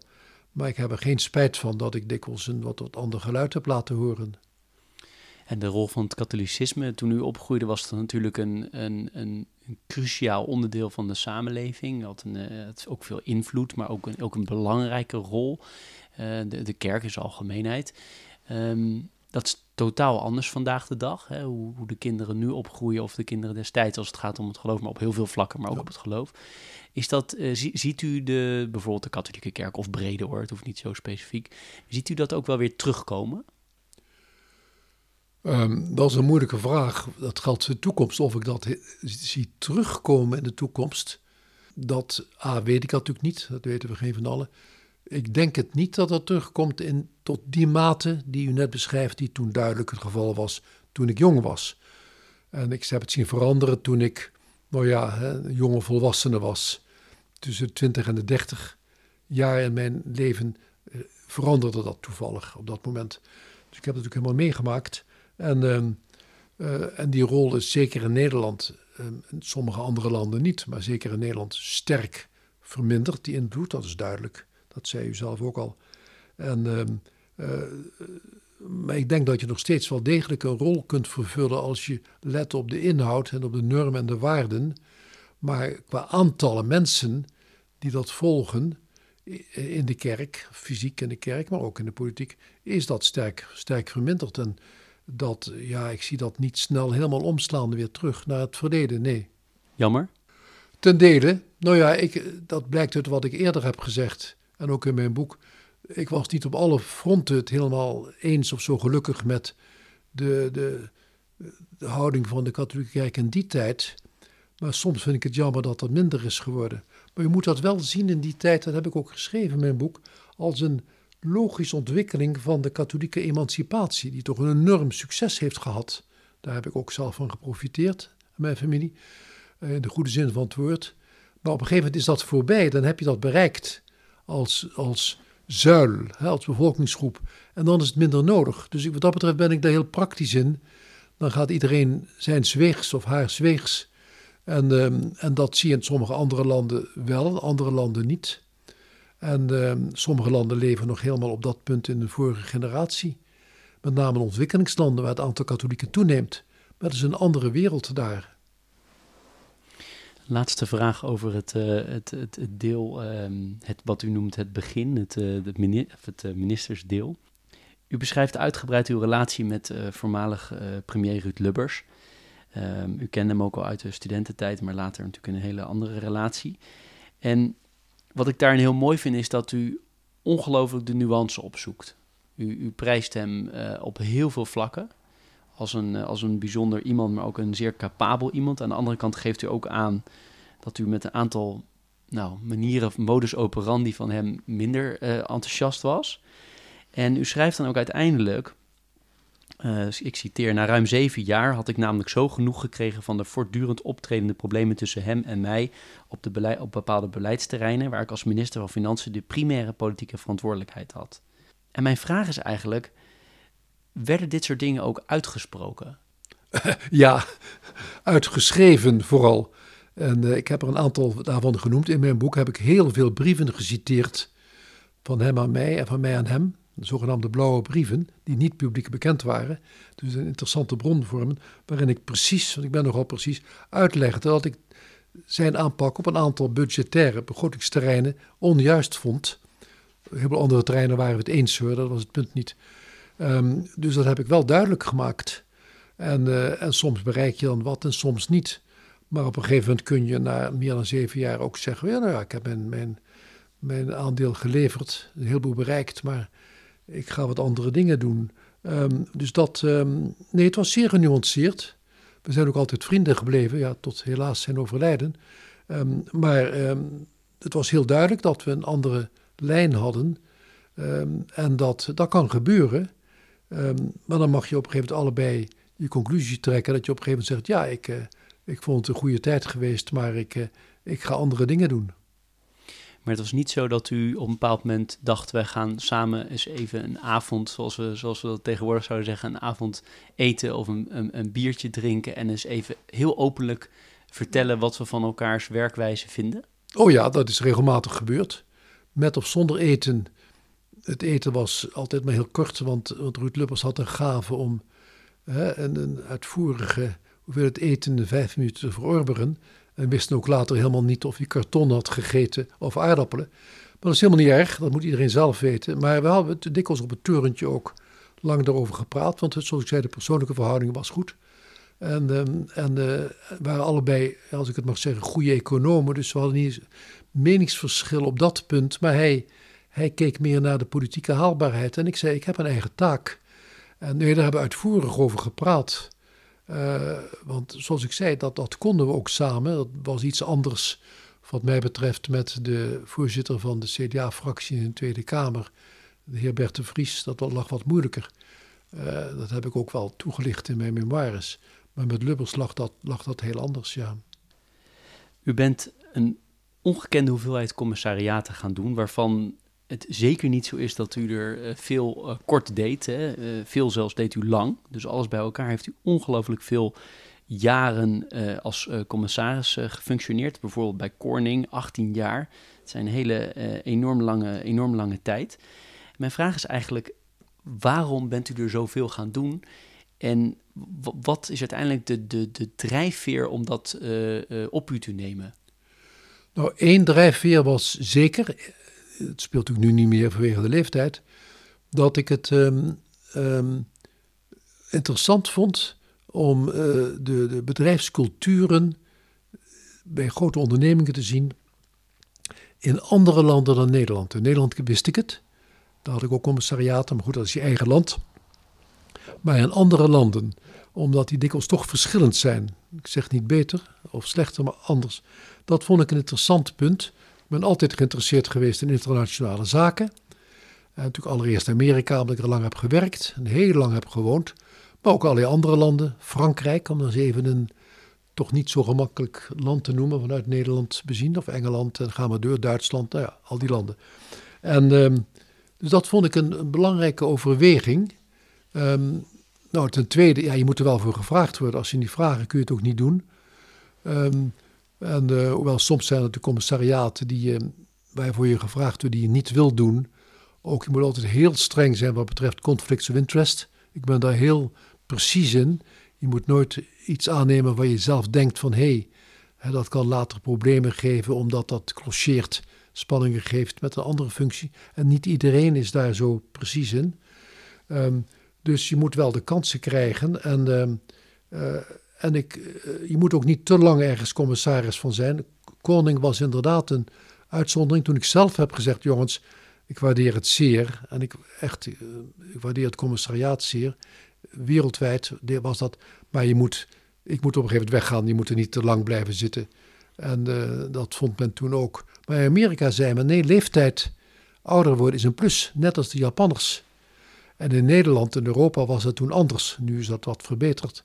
Dus het gekke was dat ik dus als ouder wordende zei van ik, ik, moet ermee stoppen, hoewel het me zeer bevalt. En zij zeiden nee, we hebben liever dat je blijft, want je hebt zoveel ervaring. Dat, dat, dat zou men in Nederland niet zo gauw gezegd hebben. Wat ik heel interessant eraan vind is wanneer je de keuze maakt om met iets te stoppen. Nou, soms dan gebeurt het je omdat je een, een verkiezing, uh, als, uh, dat er geen, geen plek meer is.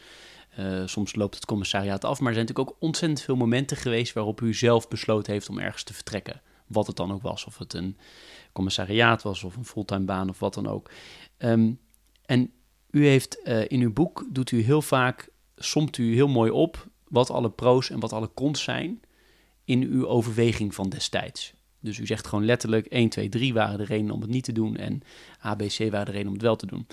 En ik heb deze keuze gemaakt dat suggereert een hele rationele manier van keuze maken. Tegelijkertijd kom ik ook een aantal keer in het boek heb ik zitten onderstrepen dat u zegt ik voelde aan dat het tijd was om te gaan of iets van dienststrekking. En mijn vraag is dan ook, en dit is iets wat heel vaak terugkomt in mijn gesprekken, wat is nou ratio en waar heeft u toch op basis van intuïtie keuzes gemaakt? Dus eigenlijk het ratio versus intuïties, intuïtief keuzes maken. Waar, waar zit dat bij u? Want het lijkt dat het allemaal heel rationeel is. Toch denk ik, op basis van wat u schrijft, dat u ook wel heel veel intuïtief doet. Uh, absoluut. Um, ja, ja, ik ben ja, qua karakter een rationeel mens. Dus met argumenten pro en contra, zoals u zelf net zei. Zeker waar. Maar daarnaast toch ook dat je kijkt. Um, ja, wat vind ik van de mensen met wie ik moet of mag samenwerken?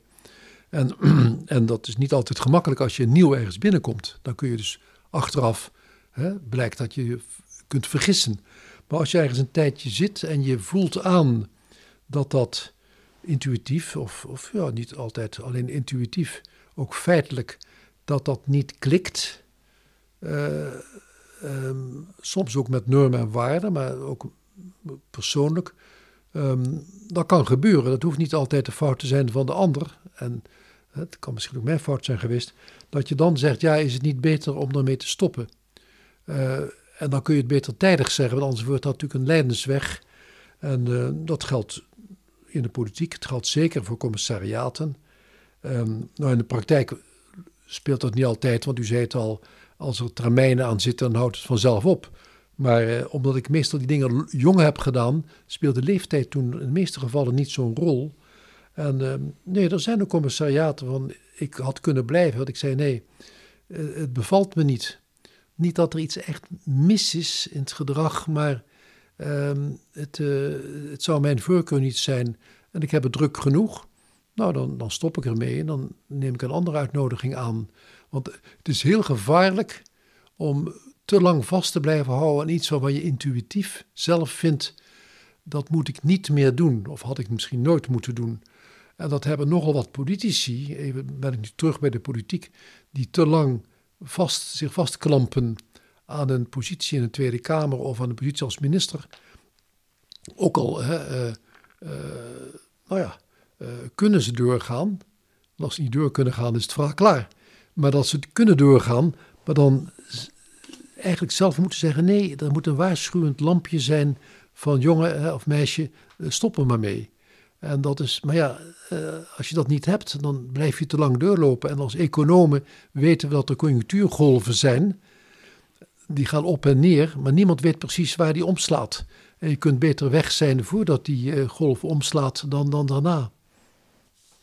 Een paar uh, korte bankvragen.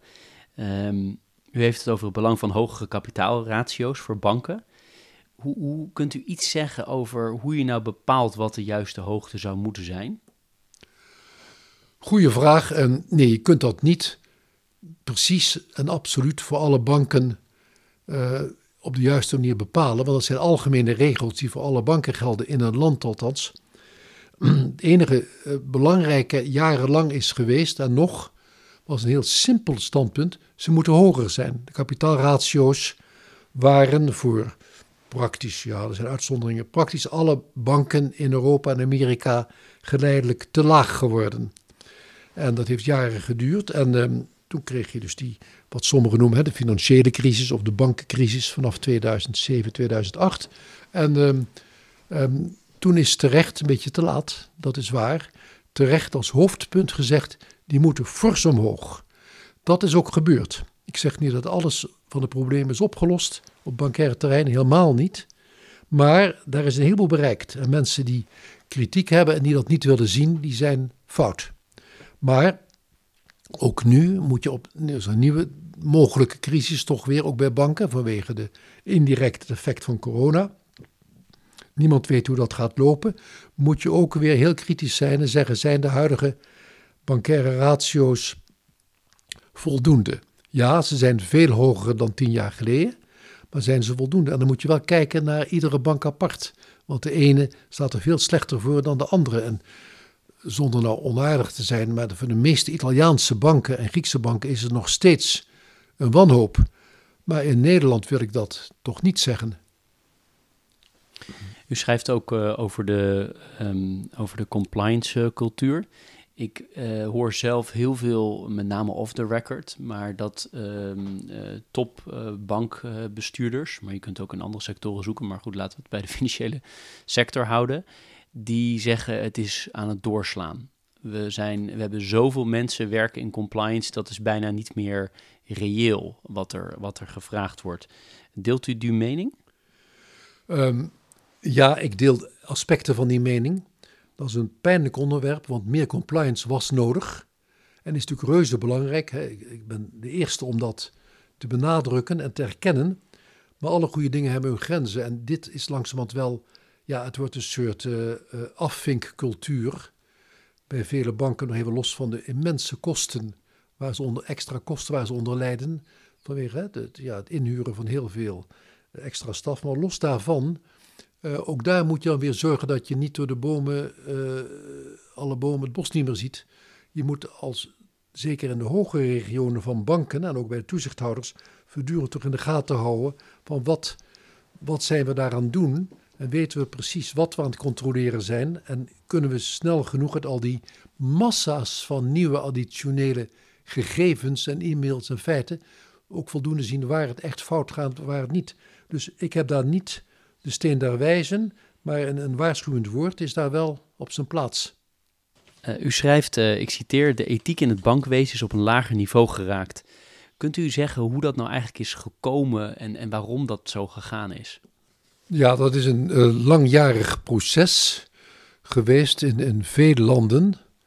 Um, het heeft ten dele te maken met de internationalisering, die ik op zich altijd heb toegejuicht. En de globalisering, dat is het punt niet. Maar waardoor toch um, een vermenging van cultuur is ontstaan en waarbij banken werden geconfronteerd en worden geconfronteerd met, met gedragingen van mensen die, die van elders komen, um, die anders zijn. En uh, beter of slechter, maar als dat slechter is, kan men daar meestal niet, niet goed mee overweg. En het, ehm, de mentaliteit dat, ehm, dat ook groepen van, van bankiers en handelaren van de ene op de andere dag vertrekken naar de bank aan de overkant van de straat voor een wat hoger salaris. Uh, dat was in, het begin van mijn carrière ondergehoord en is sterk toegenomen. Maar ook de mentaliteit van de leidinggevende bij banken, vooral in Amerika, dit speelt minder in Europa, denk ik, um, dat men ook heel normaal vond om eigenlijk zonder veel toelichting zelfs uh, mensen heel beleefd te vragen morgenochtend uh, te vertrekken. En die deden dat dan ook. Die gingen echt niet eens protesteren. En ik heb dat meegemaakt bij Citibank en dat was niet, niet, niet mijn cultuur, maar goed, dat was wel een feit ook in Amerika. En dat, uh, dat heeft ook niet, niet bijgedragen aan een ethisch gedrag als je ziet dat je als werknemer ziet dat je werkgever zich niet erg ethisch gedraagt, stimuleert dat niet. Maar ook als je als uh, werkgever ziet dat je werknemer zich niet ethisch gedraagt, stimuleert dat ook niet. Dus ik vind dat wel een achteruitgang. Um, en, um, uh, en dat is niet speciaal voor Nederland uh, het probleem, maar het is wel een probleem, ja. Algemene vraag die, ik, die ik zelf heel belangrijk vind. Misschien wel een van de vragen die ook het moeilijkste is, maar ook voor mij zelf heel, heel interessant is. U haalt heel vaak in het boek aan dat um, het gebrek aan discipline of het gebrek aan uh, terughoudendheid om bepaalde uitgaven te doen. Um, uh, of anderszins, ik, ik, noem het even gebrek aan discipline, maar als u het anders wil verwoorden, dan, dan uiteraard prima. Maar, en ik zie dat, dat dat een heel groot probleem is. Hoe verbeter je dat nou eigenlijk? ja, dat is niet zo simpel te beantwoorden. Door um, voortdurend te herhalen dat discipline nodig is. Of het nou is in de overheid, of het is in het bankwezen, of, of in je gezin, hè, ja, als je kinderen jonger zijn. Um, om dat voortdurend te benadrukken. Um, ik wil niet zeggen dat ik perfect ben in de discipline zelf, maar het is wel inderdaad, wat u zei, een onderwerp wat ik altijd heb bepleit. Um, en als je het bepleit voor anderen, moet je dat ook voor jezelf doen, anders is het niet erg geloofwaardig. Dus het is voor een deel de herhaling en voor een deel ook een kwestie toch van uitleggen. Ja, heel simpel gezegd, je kinderen uitlegt als je zakgeld krijgt van de, toen nog een gulden per week en je besteedt hè, drie gulden uit, je besteedt drie gulden om toevallig het één keer te kunnen lenen, twee gulden van een aardige tante, dan is dat aardig voor die week, maar slecht voor je karakter, et cetera. En natuurlijk als minister van Financiën moest je dat voortdurend uitleggen. Hè, eh, dat, dat, ja, dat klinkt simpel, maar dat moest je echt uitleggen in zaaltjes her en der in het land. Dat een groter tekort van minister van Financiën voor hem heel vervelend is, maar ook voor u in de zaal. Want uw kinderen zullen, of u zelf, zullen later wel die extra leningen met rente moeten terugbetalen. En dan kijken ze je stom verbaasd aan. Herinner me nog die gezichten van, wat heb ik daarmee te maken? Ja, maar dat bent u zelf, die schatkist. Die, die simpele sprong, waar je geen genie voor hoeft te zijn, om dat te begrijpen, werd niet gelegd. En dat, ja, je moet toch discipline ook uitleggen. En, en het is wel iedere keer herhalen, ja. Ja, het is natuurlijk nooit een, op korte termijn nooit een populaire boodschap. Ook niet om die vergelijking met het kind te maken. Op korte termijn is niet leuk, maar op lange termijn wel. Maar als ik het zo hoor, moet ik het vooral zoeken dus in de opvoeding. Um, ten dele. Ja, opvoeding thuis, maar ook opvoeding in de, in de opleiding. Bij banken en bij, um, en bij overheden, et cetera. En in, in, in, de politiek. En, maar u noemde het zelf even een, een, een niet oplosbaar, dat herken ik, niet oplosbaar probleem is van alle tijden het verschil tussen uh, de effecten van maatregelen op korte en op lange termijn. Op korte termijn kan iedereen wel aardig hè, begrijpen, analyseren. Op lange termijn niet. Dat is moeilijker. Of het is misschien niet moeilijker, maar ze zeggen: ja, na mij de zondvloed. Je zoekt het maar uit. Over twintig jaar terugbetalen, dan uh, is mijn verantwoordelijkheid niet. Dat is een probleem wat ik niet kan oplossen. Maar wat je voortdurend moet herhalen, maar daarom is het ook zo moeilijk om, om een belangrijk voorbeeld te nemen. Tijdens de kabinetsperiode heb ik ervaren, als je met moeilijke maatregelen komt, zorg dat je ze de eerste twee jaar van de vier jaar die je hebt, na de volgende verkiezingen, dat je ze dan neemt of laat nemen door de politiek. Want een, een, paar maanden voor de verkiezingen is nog niet het ideale moment om daar iets te bereiken. Dat is ook het verschil tussen de lange en korte termijn. En, ehm, en je moet dat toch duidelijk aan de mensen uitleggen dat ehm, ja, ik herken dat op korte termijn dat dat vervelend voor u is, uw koopkracht bijvoorbeeld. Maar op lange termijn, de lange termijn is niet 50 jaar. Dat is terwijl, maar over lange termijn, over 5 à 10 jaar, is er dan meer economische groei door die investeringen. En daar hebt u ook voordeel van. Ehm, dat spreekt niet iedereen aan, maar een aantal mensen toch wel. Dus je moet dat wel ook durven te zeggen. Nog een aantal algemene vragen, uh, toebewegende naar het, naar het einde van dit gesprek. Ehm, u heeft een ongekende hoeveelheid mensen uit de, de global elite, om het maar even zo te noemen, ontmoet van presidenten, premiers tot de paus, tot nou ja, een, een hele lange lijst. Um, zijn er nou bepaalde mensen, en of u ze nou wel bij naam noemt of niet, maar zijn er bepaalde mensen, misschien uit die elite of juist helemaal niet, misschien juist helemaal niet uit die elite, die ook voor u als hele grote inspiratiebron zijn geweest? Ik kan voorstellen dat ook mensen, heel veel mensen zijn die hè, onder Ruding als, als inspiratiebron hebben. Maar andersom, heeft u mensen waarvan u zegt, die hebben mij echt altijd geïnspireerd? Of een periode van mijn leven geïnspireerd? Ja, het zou meer een periode zijn van mijn leven. Ehm, niet een heel sterke mate. Ik ben niet iemand die helemaal, uh, zeg maar, in de goede zin van het woord geobsedeerd is geraakt door één bepaalde persoon um, gedurende lange tijd. Maar um, ja, het zijn dikwijls ook, ook, ook niet, niet bekende mensen. Dat je ziet dat iemand die, hè, uh, dat is van alle tijden, die met hele grote problemen zit in een groot gezin, hè, met, met zieke, zieke uh, kinderen of wat dan ook, um, die, um, die dat toch, uh, dat die problemen kan, kan, kan oplossen. Die grote tegenslagen in zijn leven waar je zelf niet direct mee te maken had, maar waar je van hoort, die je kent, dat je daar onder de indruk raakt hoe die dat oplossen. En uh, ook al ben je zelf niet met diezelfde problemen geconfronteerd, gelukkig. Um, dus dat, dat, is een, ja, dat heeft toch een effect, denk ik, op je manier van leven en manier, manier van kijken.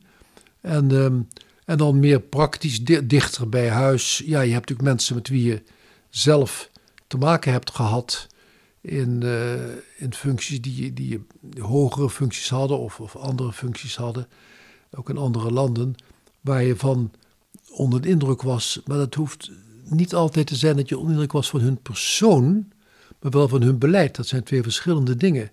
Je kunt iemand afschuwelijk vinden qua persoon, maar toch zeggen die heeft heel veel goeds gedaan voor zijn bedrijf of voor zijn land. En uh, zoals ik denk dat mevrouw Thatcher, waar wij veel mee te maken hebben gehad in mijn tijd, politiek, um, en die ik ook grondig heb ontmoet, die um, heeft, denk ik, in die tijd in Engeland heel veel hardnodig goed werk gedaan. En waar ik ook van onder de indruk was. Maar als je zegt, vind dat, je dat als persoon een, een uh, wel imponerende persoon, maar een prettige persoon? Uh, helemaal niet. Maar dat hoeft ook niet. En zo zijn er natuurlijk vele, vele voorbeelden um, die, die, die je kunt noemen. En in de politiek, ik heb bijvoorbeeld um, om heel praktisch te zijn in die politieke jaren. Um, bijvoorbeeld, um, zo veel voorbeelden waren er misschien niet, heel veel, uh, nou ja, leidraad gevonden en ontzag soms en ook hulp gevonden bij een toenmalige collega, eh, Jan de Koning als minister, die ik niet kende daarvoor, ja, behalve qua naam. Um, en die uh, een grote rol heeft gespeeld in het ook uh, niet alleen bijeenhouden van die twee kabinetten Lubbers, maar ook voor mijzelf, die, um, die zag, um, en dat, ja, dat vond ik ook, maar hij, was, um, hij kwam uit een andere invalshoek natuurlijk, meer de sociale kant, die zag dat sociaal beleid en financieel strak beleid niet tegenstrijdig zijn. Wat een aantal mensen daarvoor volkomen fout heeft gezien. En ik was daar zeer van onder de indruk. En hij heeft ook heel veel, op mij ook heel veel invloed gehad in de Nederlandse verhoudingen. Dat was een heel goed, goed, goed voorbeeld, uh, wat mij betreft. En, uh, en zo kan ik er natuurlijk wel meer noemen, maar uh, dat was niet mijn hele leven één inspirerende figuur, maar afhankelijk van de bezigheden die je had, werd je toch ook wel op de goede kant opgeduwd door bepaalde personen, ja. U lijkt in het boek uh, ook verantwoording te willen afleggen voor, voor alles wat u heeft, uh, heeft gedaan en waar u aan mee heeft gewerkt. Um, mijn vraag is eigenlijk, um, is, is dat nodig en doet u dat voor uzelf of doet u dat meer voor als een, als meer als een memoire, als een nalatenschap? Ja, het zijn natuurlijk allereerst memoires. Ja, het woord nalatenschap klinkt wat sombertjes, maar nee, je wilt het Zo vast... bedoel ik niet, maar meer, ja, Ja, je, begrijp wil- mij. nee, je wilt het vastgelegd Ja. hebben. Maar dan eh, voor jezelf, en wat ik in het begin zei, ook voor eh, eh, familie en mensen met wie je hebt samengewerkt, maar toch ook, neem nu even die commissariaten. Ik denk dat mensen die ehm, helemaal niet met die bedrijven te maken hebben, waar ik bij heb gewerkt, maar die ehm, als commissaris, maar die daar misschien iets aan kunnen hebben om te zeggen, want, wat zijn er je motieven om ja of nee te zeggen tegen een commissariaat of om weg te gaan of een ander beleid voor te stellen. Dat komt met veranderingen natuurlijk verschillen ook in andere bedrijven voor. Dus hebben mensen misschien wat aan als ze dat lezen. En voor de politiek ben ik ervan overtuigd dat het helpt voor de huidige en toekomstige generatie dat ze af en toe zo'n boek, en er zijn natuurlijk meer, naslaan en zeggen van hé, hey, een soortgelijk probleem als nu heeft die man Runing toen meegemaakt. En eh, dat hebben ze toen opgelost. Misschien niet ideaal, maar daar hebben, kunnen we toch wat van leren. Dat, dat, die hoop heb ik wel dat dat een zekere effect zal hebben. Maar heeft u net als eh, ik als lezer heb het gevoel dat u zich ook wil verantwoorden? Klopt dat ook wel of niet? Of klopt dat niet? Ehm, soms wel. Nee, soms is het, niet, is het niet verantwoorden, maar is het meer proberen uit te leggen. Dat mensen daar eh, ook lessen van kunnen leren. Soms inderdaad, bij omstreden besluiten die we toen hebben genomen, wil ik daar ook verantwoording afleggen om aan te geven waarom we het hebben gedaan. Omdat, eerlijk gezegd, in de media dat niet altijd helemaal 100% correct werd weergegeven. En dan wil je voorkomen dat dat later, dat het allemaal als papegaaien wordt herhaald. En dat er dus een, een tegengeluid wordt getoond. En dat is een vorm van verantwoording afleggen, ja. Interessant. Ehm, laatste twee eh, wat, eh, wat luchtiger vragen. Ehm, u heeft het Dr. HOCR, dat zijn uw, uw, ehm, uw eh, initialen, Rudingfonds opgericht voor Paleis het Loo. Ehm, wat, wat doet het precies? Oh, dat is, dat is simpel. Het staat in het jaarverslag. dat is een, een, een fonds wat ehm, eh, geld uit dat fonds kan besteden. Op een voorzichtige manier natuurlijk, maar dat is in goede handen bij het LO. Maar wel op terreinen die ik had aangegeven. En verder moeten zij het doen. Want ik ben niet de deskundige. Ik ben een amateur geïnteresseerde. En dan geef je dat aan wat ook past bij zo'n museum. En dat zijn onderwerpen van, van de, de, de Gouden Eeuw. Dat was, daar was het lood toen belangrijk. En wel op het gebied van, uh, ja, van, de, van kunst. En niet alleen de aankopen, maar ook het restauratie. De restauratie van de kunstwerken om te voorkomen dat die hè, er technisch op achteruit gaan. En op het terrein van de schilderijen, want die interesseren mij, uit die 17e eeuw. En ook op het punt van, uh, van oud-Hollands zilver. En vooral ook uh, Delfts aardewerk, waar het, lo vanwege de, de bewoners toen, hè, de, uh, later koning Prins Willem III en, en Queen Mary uit Engeland, een grote rol hebben gespeeld. Dus het Delfts aardewerk, wat nu allemaal in Engeland uh, st staat opgesteld, maar eigenlijk thuis hoort in het lo oorspronkelijk. Dus dat was dan de, het kader waarin het moet worden uitgegeven. En hoe is het uitgegeven, dat bepaalt de directie van een museum en ik niet. Wat ik uh, tot slot erg leuk vond aan uw boek is dat u ook wel uh, bereid bent geweest om, om de, de meer lollige, de meer geestige dingen te beschrijven. Er zijn een aantal uh, momenten waar ik echt ook wel heb moeten, moeten lachen. Um, ik hou dat zeker voor de mensen die uw boek gaan kopen. ik noem bijvoorbeeld dat u, um, zonder de details, maar dat u in een gesprek met, of een monoloog van Alan Greenspan, dat u daar misschien toch even een klein beetje in slaap viel. Uh, maar dat hij het niet merkte. Maar ook uh, dat u een zwemtocht met een Duitse collega-minister in Griekenland vond ik, vond ik erg geestig. Um, ga ik ook niet vertellen wat dat is, maar dat moeten, moeten mensen maar zien. Um, zeker ook hoe u beschrijft dat het eigenlijk wel een zeer ernstige kwestie was. Maar uw, um, uw ziekenhuisbezoek, wat ja. u heeft genoemd, de Peking Duck in, in, in China. Ehm, en toch eentje die... ehm, eh, nou, dat is er eentje waar ik toch nog even naar, naar u ga vragen voordat ik dat zeg. U haalt ook nog even een stukje aan over Donald Trump. Uh, ook aardig is ook te lezen in het Financiële Dagblad. Dus ga ik niet op in. Maar even die Peking Duck, want dat, dat is toch wel degene die ik het, nou ja, die, die ik het verreweg het meest uh, bij is gebleven. Kunt u heel kort zeggen wat daar gebeurde? Nou ja, heel kort. Uh, dat gebeurt meer bij een um, blinde darmontsteking, een appendix, appendicitis. Dat kwam on, onverwacht op toen ik aankwam in officiële reis, een belangrijke reis als voorzitter van het IMF, van de minister van Financiën, aan het toen tamelijk nieuwe lid China. En um, dat was toch redelijk belangrijk. En toen werd ik zieker en zieker, maar ik wist niet wat het was. Ik dacht dat het was een voedselvergiftiging of wat dan ook. En ik kreeg steeds meer, um, onder andere uiterst vette, uh, ja, die Peking duck. Hè, dus die, dat, dat zij zo lekker vinden, die eenden, eend op mijn bord geschoven. Moest ik opeten en ik werd nog meer, nog zieker. Uiteindelijk, uh, midden de nacht ontdekten we dat dat een, um, een, uh, een ontstoken binnendarm was. En toen kwam het probleem, want er zijn ook uitstekende artsen in China. Dit was voor de hoogste rangen daar, de apparatchiek. In dat ziekenhuis werd ik naartoe gebracht. Maar ze moesten wachten tot de allerhoogste chirurg eraan kwam. En toen ben ik bijna dood gegaan. Dat werd dus een uh, buikvliesontsteking, hè, peritonitis. En, en, uh, en, met name omdat um, uh, we ruzie kregen over de leeftijd die ik moest invullen. Want zijn de bureaucraten daar. En hij vulde in 66 wat jong is, 66 jaar, voor een hele hoge functionaris in China. En ik was toen 46 en hij zei dat kan niet. U vergist zich. Ik zei nou, ik vergis me veel dingen, maar niet in mijn leeftijd. En hij was compromis na een uur ruzie 56 ingevuld, want ik werd zieker en zieker. En uiteindelijk heb ik het uh, overleefd. Maar deze brave chirurg die voortreffelijk werk deed, liep toen naar mijn vrouw toe, die zielig stond te wachten, zat te wachten in de wachtkamer.